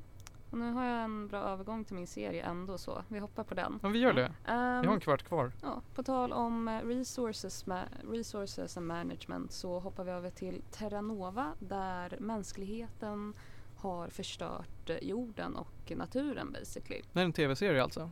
Ja, och eh, jag kollade upp den och den är tydligen från typ 2011. Ja, jag, jag kommer ihåg när jag såg reklam för den förr i Ja, världen. jag trodde den var helt ny faktiskt och en Netflix-produktion för de fick nyligen in den där. Men Men är det inte den här med dinosaurier? Va? Ja. Det är den va? Jag känner Ja. någonting. Jag bara såhär, det är den. eh, i alla fall, det här det utspelar sig först i under året 2149 för det är ett väldigt fint tal apparently. Mm, och eh, då har eh, mänskligheten hittat en så här eh, time rift som för, kan föra tillbaka människor 80 till 85 miljoner år tillbaka i tiden. Jo, what? Yes, Okej. Så till dinosauriernas tid då mänskligheten inte hade påverkat naturen eller någonting så det är basically deras så här nya sätt att få till en utopia och äh, det är deras andra chans att på livet på, för livet på Mm. jorden. Och då tänker ni kanske så här time paradoxer, kommer inte det här ändå så här bara förstöra jorden i förtid? Och då Tänk att de blir uppätna dinosaurier typ. Ja, det är ju också så här en grej. Men de har ju byggt så här äh, som en resort där. Eller det är basically bara, de har byggt så att de ska kunna bo där. Sen så är det så här sci-fi så om man går utanför där så finns det ju alltid hotet av dinosaurier och grejer. Och då får man ha så här äh, en grupp äh, med sig med Mm. guns and stuff. Mm. Men då så säger de tydligen så här att eh, de har provat saker som visar på att eh, den här andra tiden den är en parallell tidsgrej. Så den så här, påverkar inte deras framtid eller deras nutid där de bor i 2149. Att där de är liksom i nutid eller framtid, där de var åker tillbaks, då hoppar de till en ny Exakt, tidslinje de alltså. skapar en Mm, ny okej. tidslinje eller någonting. Mm. Och basically så är det så här jätteexklusivt att komma hit till Terranova som det heter. För att det är bara folk som de behöver typ som jättebra doktorer och grejer och folk som vinner på typ eh, lottot som får åka dit. Och eh, de kallar de här resorna för typ Pilgrim eh, Journey. Och då är det varje gång det händer, det är ett stort event och alla välkomna. Så bara yay, välkomna till ert nya hem, eh, ert Utopia, här ska vi alla vara vänner och bla bla bla. Men sen så kommer vi till, eller den första avsnittet startar med eh, familjen Shannon. Och där är det en fru, en man eh, som basically är typ mest, för det mesta huvudpersonen. Och han är så här eh, basic white guy, brown hair så alla kan relatera till honom. Och eh, han och hans fru har två barn, en son och en dotter och ett tredje barn som de egentligen inte får ha. Och hon är så jätteung och eh, de valde bara att ja, vi vill ha ett till barn. Men vi har inte ansökt om att få ha ett till barn så vi håller det här hemligt. Men sen så kommer polisen och knackar på och de säger att de måste söka igenom. De hittar barnet, pappan blir sur, he punches a guy, han hamnar i fängelse. Och eh, sen så visar det sig att frun har fått eh, erbjudits ett jobb på Terranova. Hon får ta med sig hela familjen men han får inte följa med eftersom att han, han är i fängelse. Mm. Och får in, hon får inte ta med sig tredje barnet. Så han är typ, "Nej, jag fixar det här så ni bara gå dit så kommer vi träffas där när ni ska genom portalen. Så han fixar det här, han har lite kontakter, han får en stor ryggsäck med sig och vad kan vara där förutom barnet? Mm. Mm. Och eh, sen så är det så här lite konflikter, han springer igenom portalen efter sin familj och så hamnar de där på sitt nya hem. Och Jaha, han Ja. följer med också alltså? Exakt. Och det här är bara första avsnittet. För resten av serien är basically att de är där, de försöker skapa ett nytt hem. Han försöker komma tillbaka till sin, till sin familj som han inte träffat på tre år. Och eh, sen så är det så här ett hot från utsidan och då finns det som ett annat samhälle som är emot mannen som styr Terranova. Och det Visst är, det han som spelar man, han som, den här skur- skurken är från Avatar va? Eller den här uh, Steven Lang eller? Jag blev rädd att du skulle säga han från Mad Men. Det var Äh. skönt. jag vet inte, han har i alla fall eh, så här, han är lite äldre. Mm, såhär militärkille typ. Jag, jag Ja. tror att det är han. Ja. Eh, han var väldigt snygg kan jag säga. och eh, han spelar väldigt bra. Alla där spelar väldigt bra. Vad är, alltså, vad är fokuset av serien? Är det en dramaserie eller en så här Det är survival-serie? sci-fi äventyr typ. Okej. Och det är lite survival också för det är så här ständiga hotet av dinosaurier. Men sen så är det så här att den här mannens son. Åh herregud. Jag tror kom- till och med att lyssnarna hör det där. Ja, det är lite det är små dinosaurier som kommer nu. Alltså. Nej, jag, jag kan inte göra Ja. annat än att be om ursäkt. Ja. Det här eh, Medis Radio tar avstånd från barnen i eh, festlokalen bredvid. Eh, men i alla fall, han har en son som är emot honom på grund av någonting man får reda på senare i serien. Och han vill försöka skapa ett sätt så att portalen kan gå both ways. Så att man kan gå tillbaka till Mhm. deras, eller till framtiden. Man, man kan bara gå ett håll nu alltså. Exakt. Nej men nu får ni ge er. Hur fan vet de vad som händer på andra sidan då? De får ju så här äh, brev och grejer och de får resurser från framtiden. Men människor Men kan de- inte resa. Nej, människor kan inte resa. Varför just, varför Det här just låter breven? krystat. Jo, men de förklarar det på ett väldigt bra sätt tycker jag. Okej. Det är bara du som För- inte gör det. Förlåt. Nej jag skojar. För s- mm, saken är liksom att det enda, de försöker att bara hålla sig till Terranova och Det här är så svårt. Det här är så svårt. Vi har sju minuter kvar av sändningstiden. ja. Och nu är det fucking sätta svansen på grisen eller någonting. Mm. Oh Nu boy! gråter barn. Ja, nu, åh nej. Mi- vad hände med min radiostation? Vad hände med Vad vårt händer program? med Martins radioshow? Ja, det här är mitt barn. Jag har inget barn. Åh. Åh. Men med Terranova, visst finns det bara en säsong eller? Ja, och jag är jätteledsen för jag tyckte faktiskt om den här Mm. serien. Även om alla dinosaurierna hade jätteshittig CGI och Ja. grejer. För jag läste att den var så himla dyr på att producera så de bara la ner den. Nej. Var det för mig för att den var så sjukt hög budget och de bara vi, vi kan inte det. Jag tyckte, på den. jag tyckte fortfarande att den var jättemodern. Den hade bra story, bra karaktärer, skådespelare och liksom eh, i huvudpersonens så här familj då var det typ tre av eh, fem var, vad är det, indisk eh, Påbrå. Ja, exakt. Och de visar liksom att frun, hon var så här väldigt smart. Hon är kirurg och eh, scientist och grejer. Mm. Så hon har väldigt stor roll i det där samhället Mm. också. Det, det låter ju så lite grann som en gammal film som heter Sound of Thunder som också har att de åker tillbaks till Typ träffa en massa dinosaurier. För, Okej. fast, då, fast den handlar i sin tur om att när de åker tillbaka till dinosaurier hur det påverkar Mm. tiden typ. Men jag tänkte då verkar de inte gjort på det sättet helt enkelt. Ja, de har ju verkligen så här, tagit avstånd Mm. från det för att kunna göra att ja, de här människorna vill skydda sitt, sin nya hem och grejer. Mm. Och sen då är det så här konflikter som kommer upp där som det går inte att typ fly från. Nej. Men så serien handlar primärt om att de är där på det här Terranova och försöker överleva helt enkelt. Alltså. Mm. Sen så liksom senare kommer det saker från att eh, typ det, det är massa rika personer som vill skapa den här two-way portalen för att kunna så här, eh, ta över Terranova och göra det och ta alla resurser från den jorden och skicka tillbaka till framtiden för att bli rika på det. Men kunde de inte skicka resurser? Nej, de kan... Det, det, portalen är ju bara åt ena hållet. Så då går det inte att skicka till framtiden. Men det är det de försöker fixa och jag tror vi kan runda av här. Jag tror nästan vi får ta och runda av här. Eh, pff, vi har fem minuter kvar så att det är någonting måste vi göra. Jag ska ju spela upp Tre den här. snabba. Ja vi kör Ja. tre snabba som inte blir överdrivet snabba då. Då hinner jag göra tre långsamma plus att vi ska spela upp Faith med Ariana Grande och Stevie Wonder. Ska vi se vad det var för tre snabba jag hade att prata om. jo. Eh, ja, ja precis, precis. Tre snabba, det här underbara programinslaget jag har velat ha från avsnitt ett som jag alltid glömmer bort. Jag vill prata om ett spel, en skiva och en film. Eh, fort som fan. Och då är det första spelet jag vill rekommendera är Sleeping Dogs Oh. som är GTA i Hongkong. Det är, jag vet inte om det är Hongkong, Okej. det kan vara Shanghai. I Kina. Eh, eftersom att det är i Kina och de har jättestrikta vapenlagar så finns det väldigt få skjutvapen.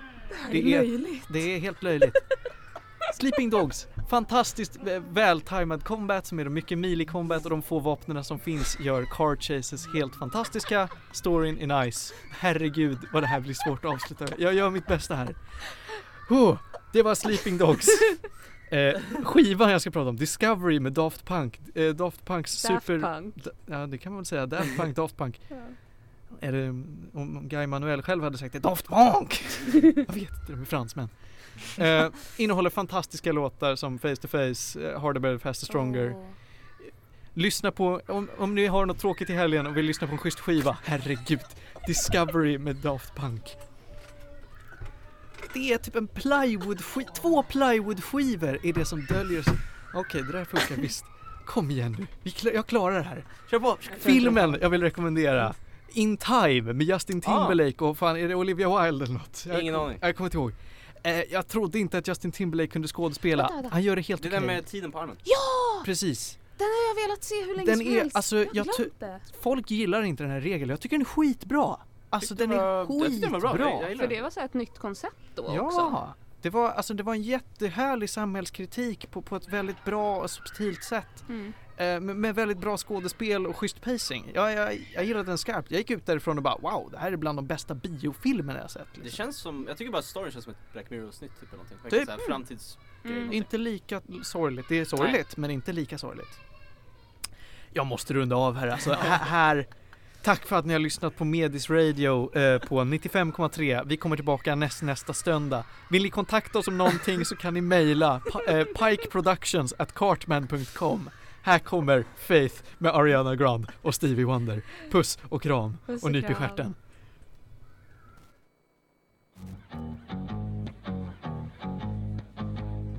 See the girl with the diamonds in her shoes. She walks around like she's got nothing to lose. Just see the go getter. She's everybody's type. She's a queen of the city, but she don't believe the hype. She's got a